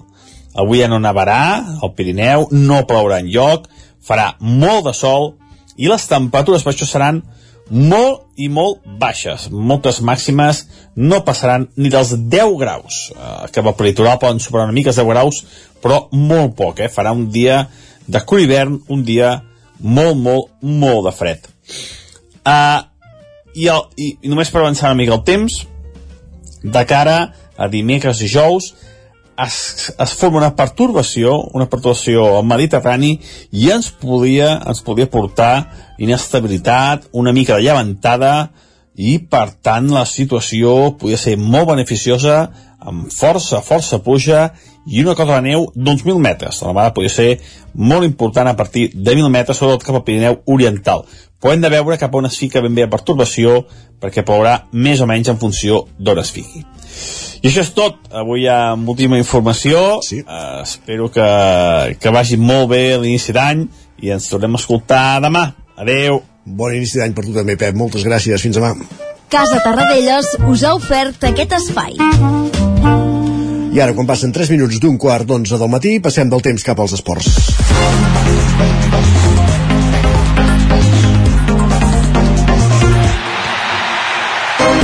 Perquè és moment de repassar què ha donat si esportivament aquest cap de setmana, encara sense la plena activitat de tots els equips de les nostres comarques. Comencem el recorregut als estudis d'Ona Codinenca. Roger Rams, benvingut de nou, bon dia. Doncs a l'entorn de Sant Feliu de Codines, pel que fa a l'activitat esportiva, les competicions que sí que han començat ja aquest 2024 han estat les d'hoquei patins a nivell estatal.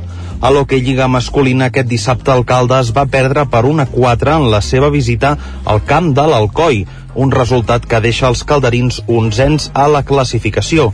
A l'hoquei Lliga Femenina, en canvi, el Palau Solità i Plegamans va guanyar per 5 a 0 el seu partit també aquest dissabte a casa davant el Mataró, un resultat que deixa a les Vallesanes líders empatades a punts, això sí, amb el telecable de Gijón. Pel que fa a l'Hockey Lliga Plata, la seva primera jornada d'aquest any serà aquest proper dissabte, quan el Sant Feliu visitarà la pista del Vic. Pel que fa a les competicions de futbol català, tant la primera com la segona i la tercera divisió, també començaran la seva activitat aquest 2024 de cara al proper cap de setmana. Gràcies, Roger. Anem cap als estudis de la veu de Sant Joan amb l'Isaac Muntades per repassar què ha donat a si el cap de setmana esportivament parlant també al Ripollès. Isaac, benvingut, bon dia. Bon dia, bon dia Isaac. Doncs mira, aquesta setmana, aquest cap de setmana al Ripollès no hem tingut activitat, però sí que us volem destacar una, una notícia bastant interessant perquè el tècnic ripollès d'entrenador de futbol, l'Albert Roder, doncs eh, ha canviat d'equip, ha fitxat pel Wisla de Cracòvia, que ara mateix és un equip doncs, que juga a la segona divisió de polonesa, era un, era un dels equips grans de, de Polònia i de fet en el seu moment fins i tot va arribar a jugar una prèvia de la Champions a inicis d'aquest segle contra el Madrid quan jugava a primera divisió, ara viu uns moments més... Em sonava el Wisla de Cracòvia, sí. Sí, sí, sí, sí. Uh, va, recordem en aquell moment, ara no recordo ben bé, eh, però crec que un dels dos partits contra el Madrid el va perdre per 3 a 1 o una cosa així, perquè me'n recordo que era un partit no feia moltes prèvies de la Champions al Madrid i li va tocar el Wisla que era un equip en principi molt, molt dèbil. Ara està en vores baixes perquè és un equip que juga a la segona divisió. Són cinquens amb 31 punts per tant, Albert Roder uh, està especialitzat en posar equips al mapa. Uh, va fer-ho amb l'Inter de Miami que ningú sabia ah, qui era i ara, i ara hi juguen Messi.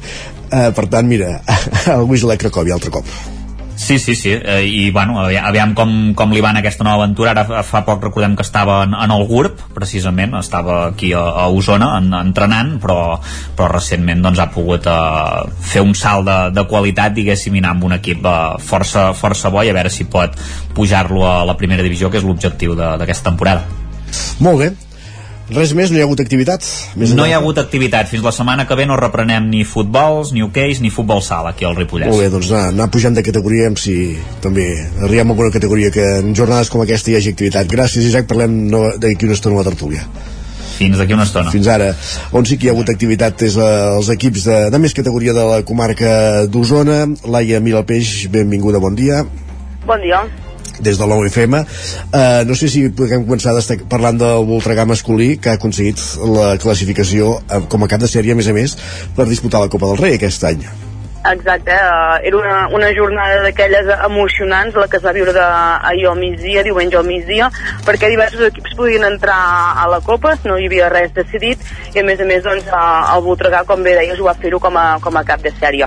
Uh, això va ser gràcies a guanyar el Lleida, que era un rival directe, un Lleida doncs, que també jugava aquesta classificació per la Copa del, del Rei, i el Voltregà doncs, va guanyar 6 a 4 en un d'aquells partits uh, agònics, eh, de s'avança el Voltregà, capgira el marcador del Lleida, s'arriben als últims dos minuts amb empat a 4 i el Voltregà doncs, que aconsegueix capgirar el, el resultat amb dos gols de Rodríguez i, i Burgall en els dos últims minuts. Aquest 6 a 4 que permetrà doncs, al Voltregà té a Calafell com a, com a cap de sèrie com a cap de sèrie juntament amb el Barça, el Noia i el Sant Just, i en una copa no hi haurà el Liceu, que és la gran novetat, eh, ja que el Liceu era un dels candidats en els últims anys a guanyar el títol. Mm -hmm. Com a completen la, la classificació, l'Alcoi, el Reus, l'Igualada i el Calafell que hi serà doncs, com, a, com a equip anfitrió. Uh, de fet, ara mirava la classificació d'aquesta primera volta de, de l'Hockey Lliga i pels que no seguim uh, uh, al detall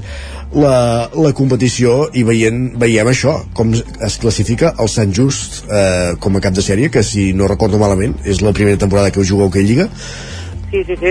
I, Sant Just tant- que va aconseguir la- l'ascens en aquell darrer partit de la temporada final Manlleu. contra el, contra el Manlleu i un Sant Just on l'any passat entrenava en Ferran Pujalte i on el seu fill és un dels jugadors doncs, estrella d'aquest equip. I que ara l'entrena en Miordeig, si no tinc mal entès, eh? Mm, exacte, ara entrena en, en mi Ordeig. I que el Reus, eh, abans parlaves del Liceu que, que ha quedat fora, però és que el Reus ha quedat també a la segona part del grup, no, té, no és cap de sèrie, vull dir que, que déu-n'hi-do, aquesta Copa del Rei serà divertida aquest any.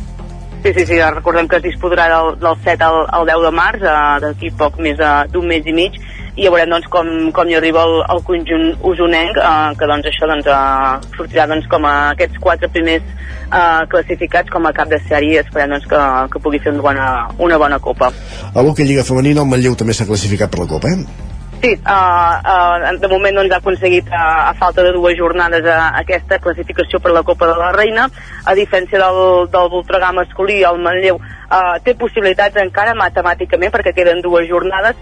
El que passa és que el, el Fraga, que és el que marca aquesta uh, quarta posició, que seria doncs, com a cap de sèrie, treu quatre punts al, al Manlleu i seria molt difícil, almenys és això el que diuen des de, des de Manlleu, que el Fraga doncs, perdés o deixés escapar eh, aquests punts que, que li queden en aquestes dues últimes jornades. El que està clar que el Manlleu serà a la Copa de la Reina després de guanyar eh, ahir el, el les Rozas amb un partit que va superar 4-2, un partit còmode però estrany, una, com va passar en l'últim partit de, del 2023, són equips de la part baixa, els manlleuencs, els manlleuencs van ser molt superiors, però els hi va costar eh, entrar en el, partit. Eh? Van marcar els pocs segons de, de començar la primera part, eh, van, es van posar 3 a 0, a la Rozas va marcar eh, un gol abans del descans, i a la represa un nou gol, només s'havien disputat 8 segons, eh, va fer que el Manlleu es relaxés, eh, la Rozas tampoc va, va acabar de, d'apretar a dalt, però tot i així ens va ser un, un partit còmode, però amb un, amb un resultat en, enganyós. Uh -huh.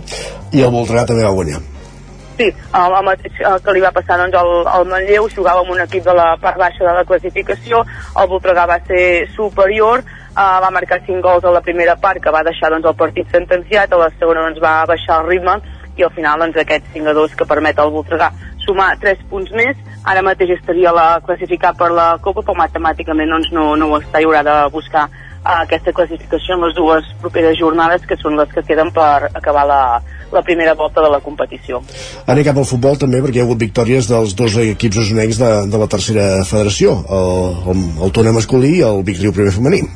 Sí, el Tona jugava, bueno, tots els equips jugaven a, a casa, el Tona rebia la, la Rapritenca, un equip doncs, que, que no passa pel seu millor moment, eh, ocupa doncs, la, la zona baixa de la classificació, però va posar les coses molt difícils al conjunt de, de Ricard Ferrés, que van necessitar el gol de Pol Fernández al minut 60 per emportar-se'n la victòria i recuperar el més important, aquesta tercera posició que ara mateix ocupa el conjunt tonenc, només superat per l'Hospitalet, que és el líder amb 35 punts, i l'Olot, que va empatar, és segon amb 32 punts, per tant el Tona és tercer amb 27, són 5 punts la diferència que, que té el Tona eh, en una classificació que, que també està molt, molt apretada amb els equips doncs, que van per darrere del, del Tona. El Tona va ser superior, eh, però li va costar marcar en, en aquest partit i el gol de Pol Fernández no li va servir per sumar aquests 3 punts eh, que mantenen doncs, el municipal de Tona com un, com un fortí. Ràpidament, tenim 10 segons, 2-1, Riu primer, Vilareal. doncs un partit eh, en què va dominar el Vic Riu primer, el Villarreal doncs, va plantar cara al conjunt usonenc, eh, amb l'1-1 es va arribar al tram final del partit i un gran gol d'una jugada col·lectiva de, que va finalitzar Cardona va permetre al Vic Riu primer sumar aquests 3 punts eh, molt importants perquè Gràcies, era un Laia. rival directe. El 9 FM, la ràdio de casa, al 92.8. Ho han dit avui, el 9 FM? Ai, no ho he pas sentit. Tot té solució.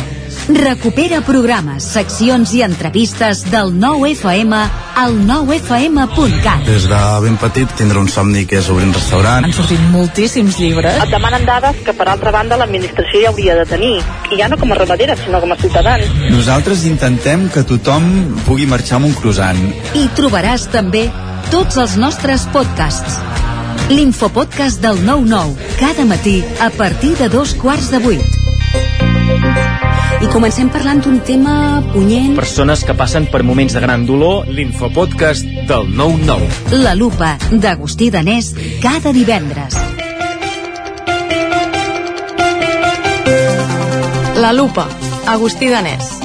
Els aniversaris. Cada vegada vivim més anys i cada vegada hi ha menys naixements. La combinació d'aquestes dues evidències distorsiona la piràmide d'edat. Paraula d'enfruns, el nostre podcast de llengua cada dimecres. Quan escoltem ho fem voluntàriament i en canvi sentir, podem sentir moltes coses encara que nosaltres no ho vulguem. Bruixes del dia, el podcast de dones i bruixes de Laura Centelles i Maria Saladic. Estàs escoltant Bruixes del dia. La meva relació amb la mort és totalment diferent, perquè jo morts, diguéssim, físiques d'un cos, n'he vist, crec que una a la meva vida. Feeling the Cinc, l'actualitat de casa nostra en anglès. Hello and welcome to Filling the Sink, a podcast from Catalan News. My name is Lucía I també tots els relats finalistes del concurs de narrativa curta del 9-9. He despertat a mig de la foscor. Tinc la boca seca i els ulls El 9fm.cat, la ràdio en línia i els podcasts del 9FM. Anuncia't al 9FM. La màquina de casa. 9 3 8 8 9 4 9 4 9. Publicitat arroba al 9FM.cat. Anuncia't al 9FM. La publicitat més eficaç. T'imagines un programa de política, d'economia, feina... Doncs ja te'n pots oblidar. Quin tinglado! Un programa d'entreteniment, actualitat, cultura i molt rigorós. Amb Bata Serrat, Miquel Giol i Eudal Puig. Un programa que no passarà a la història i que tampoc guanyarà cap ondes. No ens flipem. Escolta'l cada dijous en directe de 8 a 9 del vespre al 9 FM. Ai, ai, ai, quin tinglado! Cada dimarts a les 11 de la nit, al 9 FM, repàs de l'actualitat esportiva a la banqueta. El 9 FM, la ràdio de casa, al 92.8. En punt dos quarts d'onze al territori 17. I a dos quarts d'onze al territori 17 cada dia i sobre aquesta música saludem en Guillem Sánchez. Benvingut, bon dia, bon any. Què tal? Bon any, bon any, Isaac. Com estàs? Doncs bon any, mira, bon any un 8 de gener, eh? Però és que no sí. ens havíem vist des de fa molts dies, ara. No, correcte, correcte. Alguns havíem tingut vacances, per tant, avui ens trobem a posar la feina amb moltes ganes i amb molta il·lusió. Isaac. Així m'agrada. S'ha de dir. No sé I si què? tanta...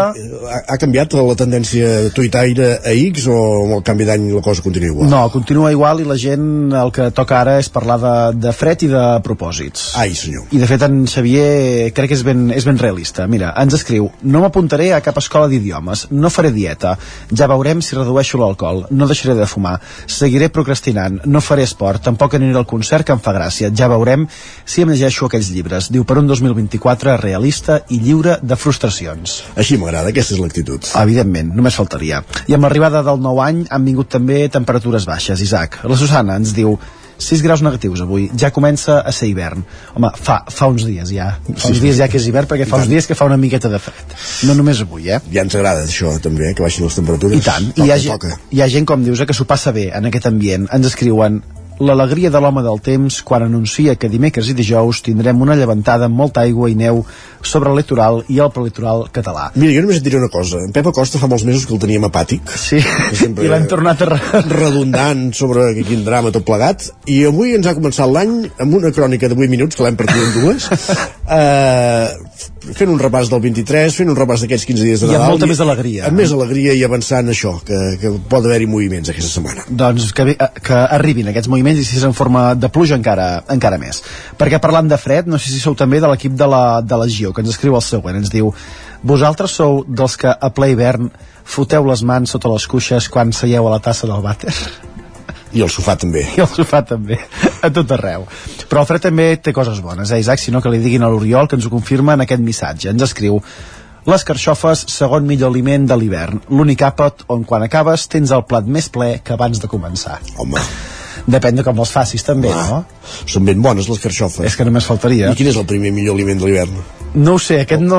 Deuen ser els no caldos. l'ha- no l'ha deixat... Deuen ser els caldos o les sopes, no? O, o, o torrons, o, o massapans, o... Però això és només és, és, és temporal, són només 15 dies.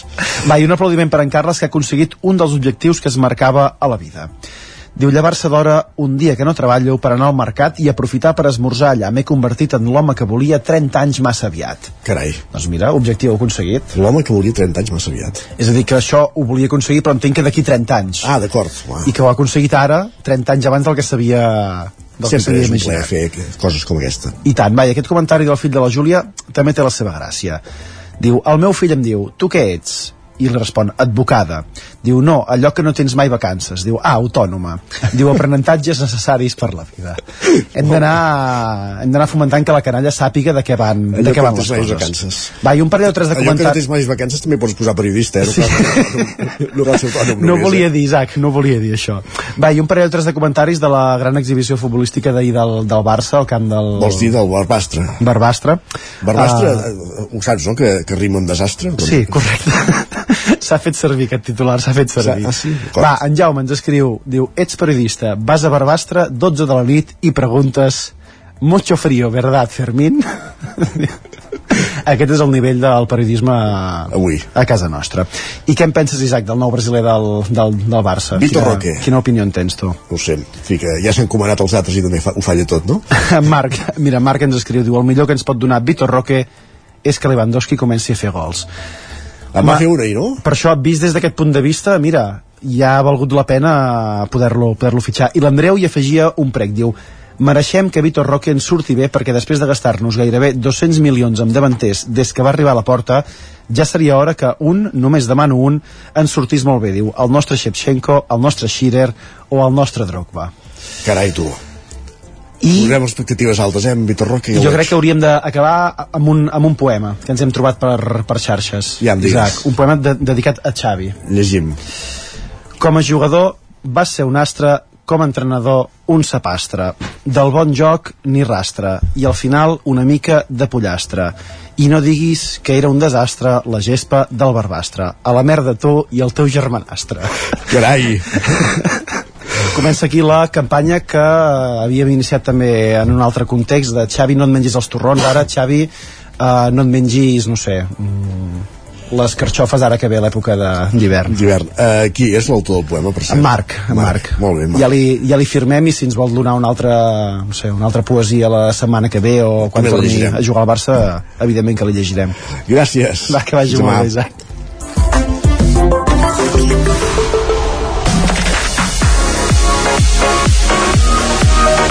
Territori 17. 5 minuts i mig que passen de dos quarts d'onze del matí, temps per la tertúlia esportiva.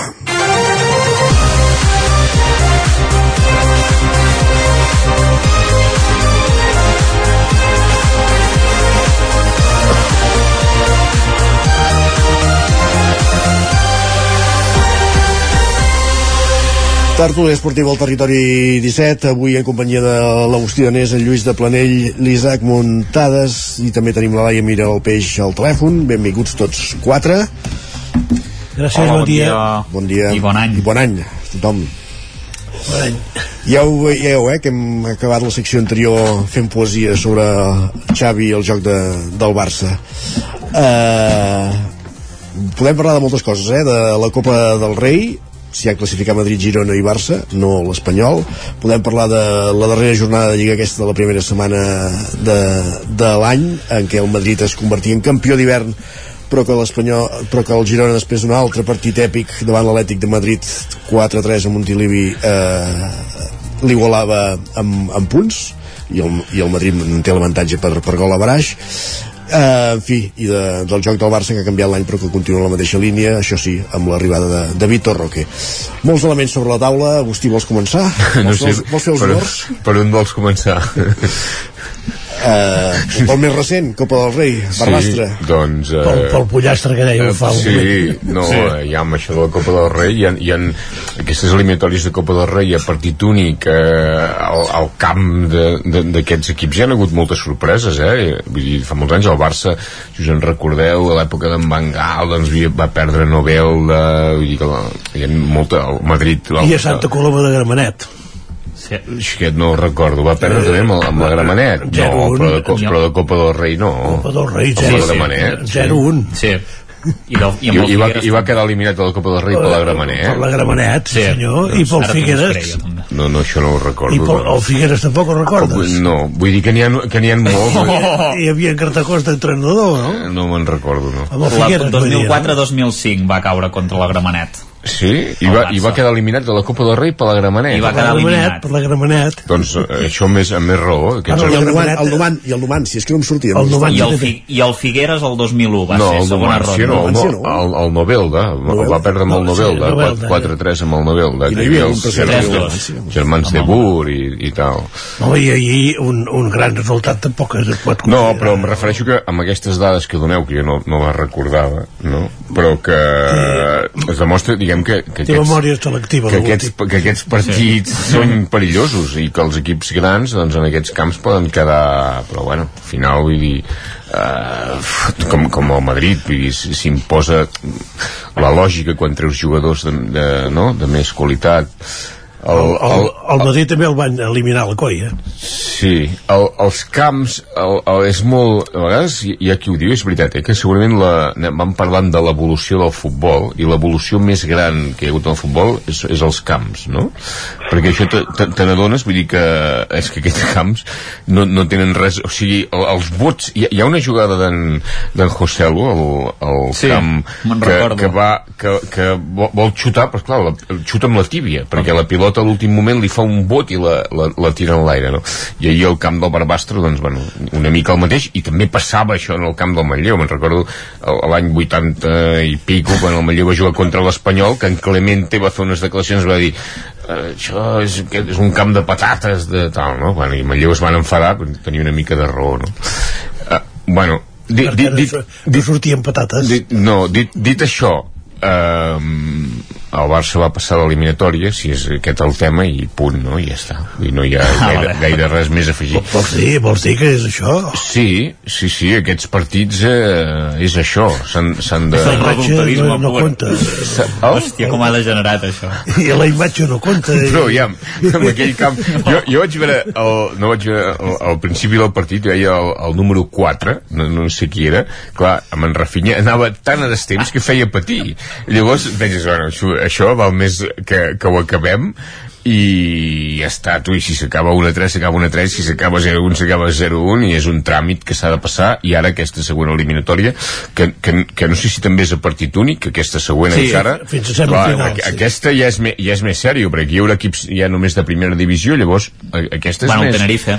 és, és més sèria però bueno, o, O o equips, o diguem equips amb soleres serà de segona Sí. divisió però equips amb Oh, però llavors pot tocar a casa. veurem l'Unionista et pot, si es et, classifica et, contra pot tocar, Villarreal. pot tocar fora però ja hi va haver també deu fer dues temporades que el Barça en aquesta eliminatòria li va tocar l'Atlètic de Bilbao a Sant Mamés va, va, i va, No, va guanyar va ser la de quarts de final, a uh, aquest, En aquesta no. aquests partits uh, així a partit únic són, són, són, són difícils aquests partits Jo si fos del Coll Sospina i em toqués del Barça a la Copa del Rei eh, m'estaria moderadament optimista de passar, eh? No, però si el, el Barça no, El no, Collsospina. el Barça no, no juga bé, és evident, eh? que el Barça no juga bé. Uh, Menys bueno, però s'ha de veure també, a veure que, quin, quin rol té aquest jugador nou a davant, si, si es nota, si no es nota, li van donar un quart d'hora al camp de les Palmes, ahir mitja hora, bueno, s'haurà d'anar No veient. no, no es va notar ni un lloc ni l'altre. recuperar, recuperar els lesionats i el Barça és l'actual campió de Lliga i, no, i a més és que i, no, i, i perd poc el Barça també vull dir que és diferent de dir hòstia, és que ara n'han encadenat 5 derrotes consecutives és que no, el Barça ha perdut dos partits. I el de, el de, la, el de la, aquest últim de l'Anvers que ja que efectes de classificació efectes econòmics sí, però efectes de classificació no compta. Jo, jo no és que sigui ni optimista ni pessimista diguem, a mi el joc del Barça no m'agrada. L'altre dia la primera part vaig trobar que feia angúnia contra les Palmes però al final les lligues són molt llargues els partits són molt difícils i, el, i penso que hi ha un punt d'injustícia amb, amb, amb l'entrenador jo, jo vaig dir un dia amb el sentit d'aquesta crítica com molt exacerbada i sobretot el tema aquest de la conya no? i penso que el més fotut si jo fos l'entrenador no em sabria tan greu que em critiquessin sinó que se n'enriguessin. És que, clar, jo veig el meu, el meu fill, no passa de, de passar-me memes i són boníssims, eh? Però, clar, Jo li passo un en Guillem Freixa. però, eh, també, però això és un, és un xista, no? Li fan dir, el, el, li, li fan dir de tot, o ara aquest poema que ha llegit en... Sánchez. Que, que si bé hauríem de posar-ho, això, fer un podcast, no?, amb el, amb el, amb el poema aquest, clar, i llavors això és lo fotut, però això, l'avantatge, jo penso, l'avantatge del futbol és que això canvia, canvia cada setmana. Vull dir que ara estem dient això i si el Barça ara elimina el Nàpols i a la Lliga enganxa 3 o 4 partits seguits de... igual d'aquí un mes que és quan es comencen a decidir les coses el mes de febrer pf, eh, parlem d'una altra cosa i, i, Això i ja ja, ja està. que que I, i jo, sí, però jo insisteixo en, en un tema amb l'entrenador em quedo sol, eh, sempre, quan ho discutim amb els companys, això, però al final hi, hi ha una part de, també d'objectius, i els objectius n'hi ha uns que són molt immediats i uns altres més a llarg termini. El, el, en Xavi va agafar un equip molt dolent. El va agafar molt dolent. És que, és que, és que l'equip titular és que era molt dolent. I el va, i el va, el va corregir aquella primera temporada amb els fitxatges per Nadal. Ara deu fer dos anys d'això. I, i li van dir, has de, has, de, has de quedar entre els quatre primers va quedar segon i va fer 0-4 al Bernabéu aquell any, i l'any següent que ja era un equip més fet a la, a la seva imatge tenint en compte les dificultats econòmiques que hi havien, va guanyar la Lliga. És que és molt difícil guanyar la Lliga. I aquest any, que té un equip jo crec més bo s'ha de veure, aquest és l'any que, que s'ha de veure. I aquest any hi ha, hi ha un factor que distorsiona molt i que no hi pensem en això, que és el camp que és el camp, que és que el Barça juga tots els partits a fora de casa, tots durant tota la temporada. I això distorsiona molt. Punt. Quan el Madrid va guanyar la Lliga Valdebebas també devia... però si no hi havia públic, home si no hi havia públic Bueno, però si no hi havia públic, no? si no, Clar, si no hi que- havia públic enlloc Ostres, és, és que aquell no, no és que juguessis a casa o fora és que jugaves a camp neutral tothom, no a Madrid, tothom És ni, increïble. ni Valdebebas ni històries És increïble, No hi- l'Agustí sí. sembla en Xavi, tio. Et trepien els memes de les escures del teu fill, o no, Agustí? Perquè... No, ara jo, jo, el que veig és que vam jugar, i no ho sabia jo, eh? Però vam jugar set anys, eh, set temporades fora de casa, nosaltres. Sí, sí, vosaltres també. Perquè, esclar, No, però vosaltres no en teníeu. Es, es van derrocar la que teníeu i vau Sí, fer una de bueno, nou, però eh? és igual, però vam jugar fora de casa, vull dir que... Clar. Sí. I, I no vam baixar a segona, eh? I doncs... No, el Barça és, és difícil, és que jugar a Montjuïc és, és molt... O sigui, jo trobo un desastre per tot, vull dir, no aquell camp, la pista d'atletisme han de fotre aquelles lones allà els, us au- vosaltres. autocar bueno, són circumstàncies has de fer unes mudances això es, passes també quan fa, si fas obres no? a casa o, o compres un, hi ha una època que has d'anar a viure a casa al sogre o has de, i això és incòmode I Això al a del sogre, Barça, eh? al Barça li passa això aquesta època de mudances ha d'anar a viure és com a casa la sogra o el cunyat seria, no? Poder, no sé què seria o... Jo també he demanat en, en, en Florentino aviam si us deixava una altra cosa més atractiva. Eh, no, eh, no, no, és que fins fa dos dies els culers parlàveu de, de, que l'important és, és guanyar però també la imatge, el Sí, joc sí, les expectatives, I, sí, sí. eh, això ja no en parleu No, sí, ja sí, sí, sí, sí, sí, sí, sí. Sí, sí. Però jo crec que, que això és, és, és com un... Això fa sediments. És com un... És, com, és, és de mica... O sigui, has de començar... És com... Tu, o sigui, jo vull, jo vull guanyar i jugar bé, però això és anar a l'àtic. Vale? Llavors, per anar a l'àtic, he de passar per l'entresol i pel primer, i pel primer ja soterrani, poder em soc, jo vull anar a l'àtic però, poder, però ara sóc el primer Però que, el- el primer que és guanyar el sediment- doncs ara sóc el primer, llavors el segon serà jugar bé, tal, i a vegades has de guanyar l'últim minut de penal. però I també sedi- compta. els sediments són sota terra normalment eh? Bueno, que no, sí. no. no l'àtic eh? Sediment Dic- és anar, anar, diguem que és una superposició de capes, és un concepte geològic. El futbol, al final, És geològic, és, també. sí, vull dir que tot està inventat. L'Espanyol no que passarà al següent eliminatori de Copa, Lluís? Mira, vam jugar més bé que el, que el Getafe, però amb Bordalàs passa això que xuten un cop a porta i foten un gol i ja està, i sap, s'han despat Sí, però, però en Bordalàs també és un entrenador per determinats equips. I jo me'n recordo que ho comentàvem l'any passat i quan l'Espanyol va destituir l'entrenador una de les opcions que hi havia en aquell moment es deia Bordalàs i tu et feia com morticària et feia angúnia i, i al·lèrgia. I volies en Luis García. I en Bordalàs seria un entrenador collonut per l'Espanyol. Collonut No, jo també m'agrada veure jugar futbol a l'equip, m'entens? I llavors eh, el Getafe m'ho va tornar a demostrar eh, di, dissabte.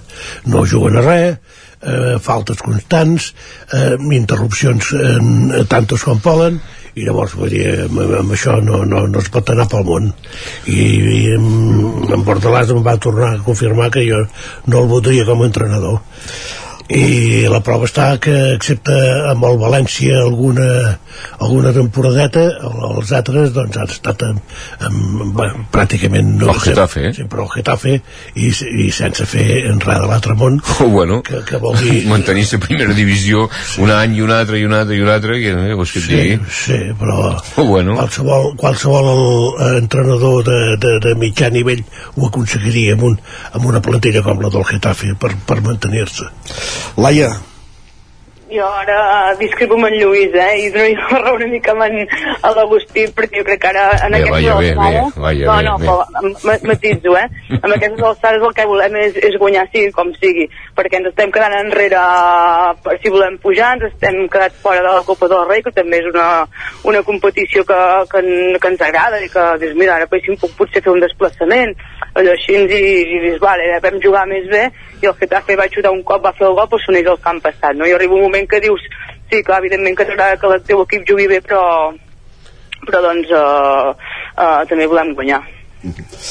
Uh, a la Lliga uh, el Madrid ha quedat campió d'invierno aquest títol que sempre em dieu que no serveix de, de massa res, que, que fet és així però jo una mica la sensació que, que tinc és que quan d'aquí 20 anys parlem d'aquesta Lliga d'aquest any la recordarem com guanya qui guanya al final, però serà la Lliga del Girona sí, sí no, Sí, però bueno, es, esperem que sigui la del Madrid, perquè guanya el Madrid. Esperem, què vol dir esperem? Esperem que sigui la Això per suposat, home, jo espero que Esperem, guanyi el. Madrid la Lliga. A veure, soc del, soc del Madrid, per tant, evidentment, vull que, vull que guanyi el, el Madrid i, evidentment, ha, han fet els mateixos resultats que el Girona en aquesta primera volta. Tenen els mateixos punts, han fet els mateixos resultats. Vas a el Girona eh, ha fet l'altre més gols.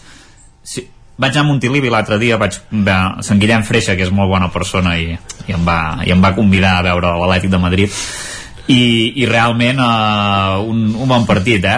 Segurament el millor partit de, ja ho vaig dir de la Lliga eh? perquè va ser un, un espectacle la primera part del Girona va ser molt bona va, va ser un partit de, de cops eh? de, ara, ara un fa un gol ara l'altre empata i, i realment doncs, el desenllaç va ser molt èpic tot i que el Girona també podria haver perdut perfectament eh? perquè al Amb principi quina vas, part Amb quina vas? jo vaig celebrar els gols del Girona perquè amb en Guillem Freixa precisament ens uneix una cosa que els dos estem en contra de l'Atlètic de Madrid.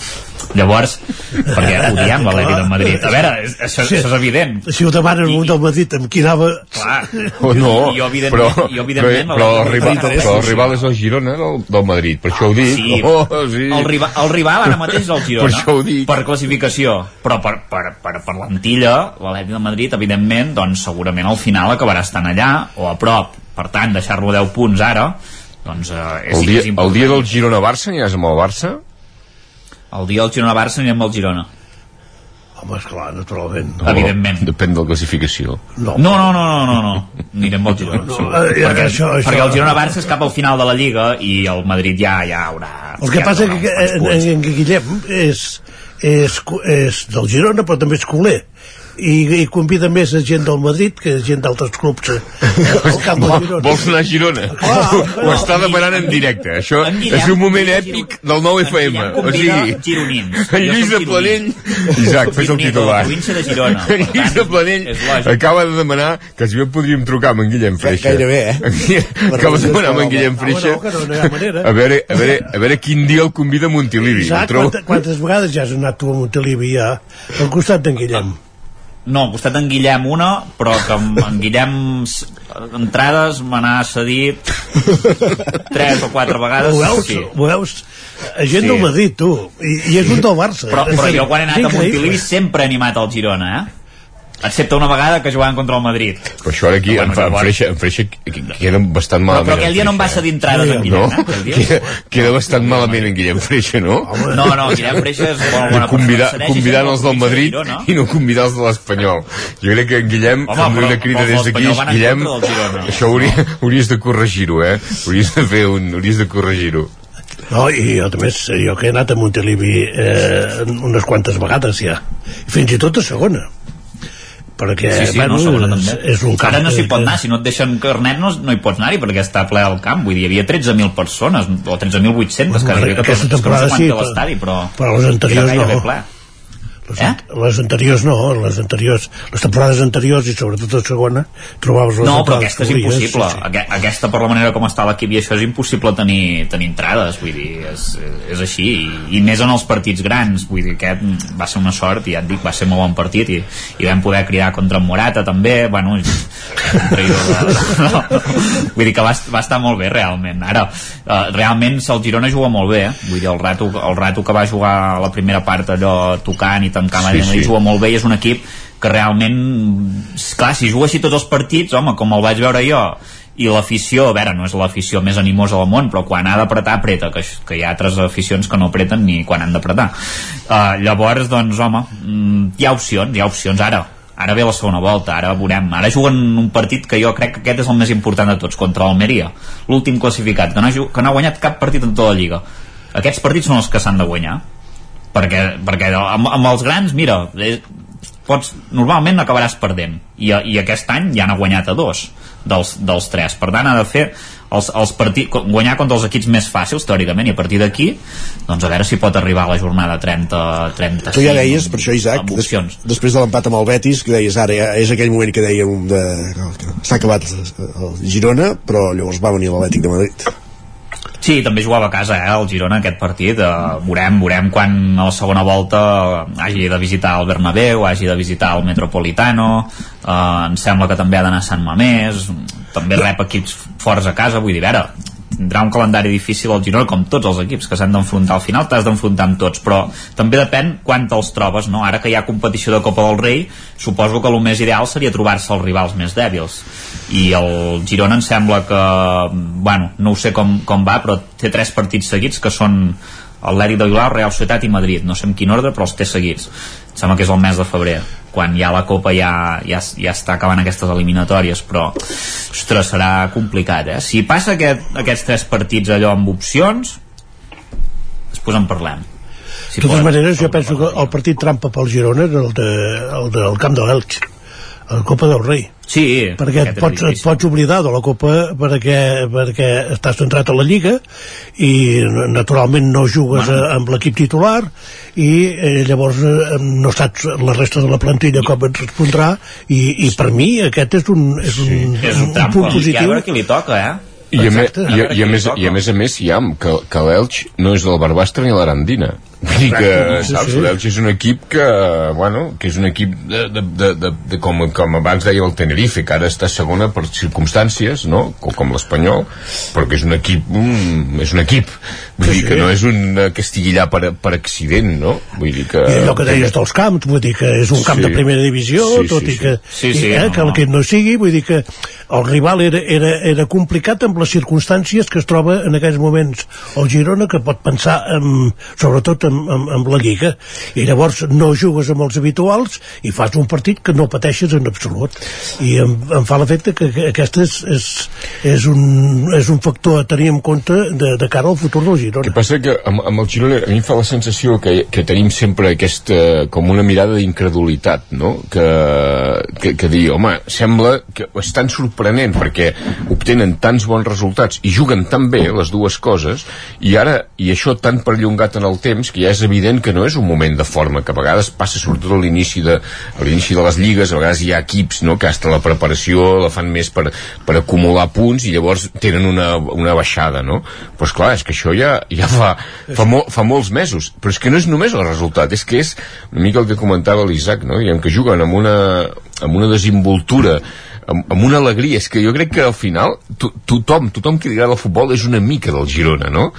Eh, perquè és que la veritat és que, que juguen molt bé però hi ha també aquesta, aquesta sospita permanent de dir no, no pot durar això a mi em, em fa aquest efecte no? jo penso, Clar, clar. no, això Sí, no, sí, no, no pot durar perquè, perquè tindran Però- lesions perquè no tindran plantilla perquè el davanter centre en comptes d'enxufar-la dins la fotrà al pal no sé però, però el cert és que van, que van passant jornades i fins i tot el, el partit aquest del camp del Betis que van acabar empatant però guanyaven eh Vull dir que, que va ser el minut 80, no sé quan, clar que els partits s'acaben al final, també, perquè també pots dir, bueno, i l'Atlètic de Madrid el van guanyar i l'empataven, no? Vull dir que al final, fins que l'àrbitre xiula, val, i, i s'ha de, i s'ha de jugar no? A mi que m'agrada el Borbo, la, cor- eh, el sorteig d'avui de la Copa del Rei, m'agradaria un Barça-Girona, per aquest ordre, eh?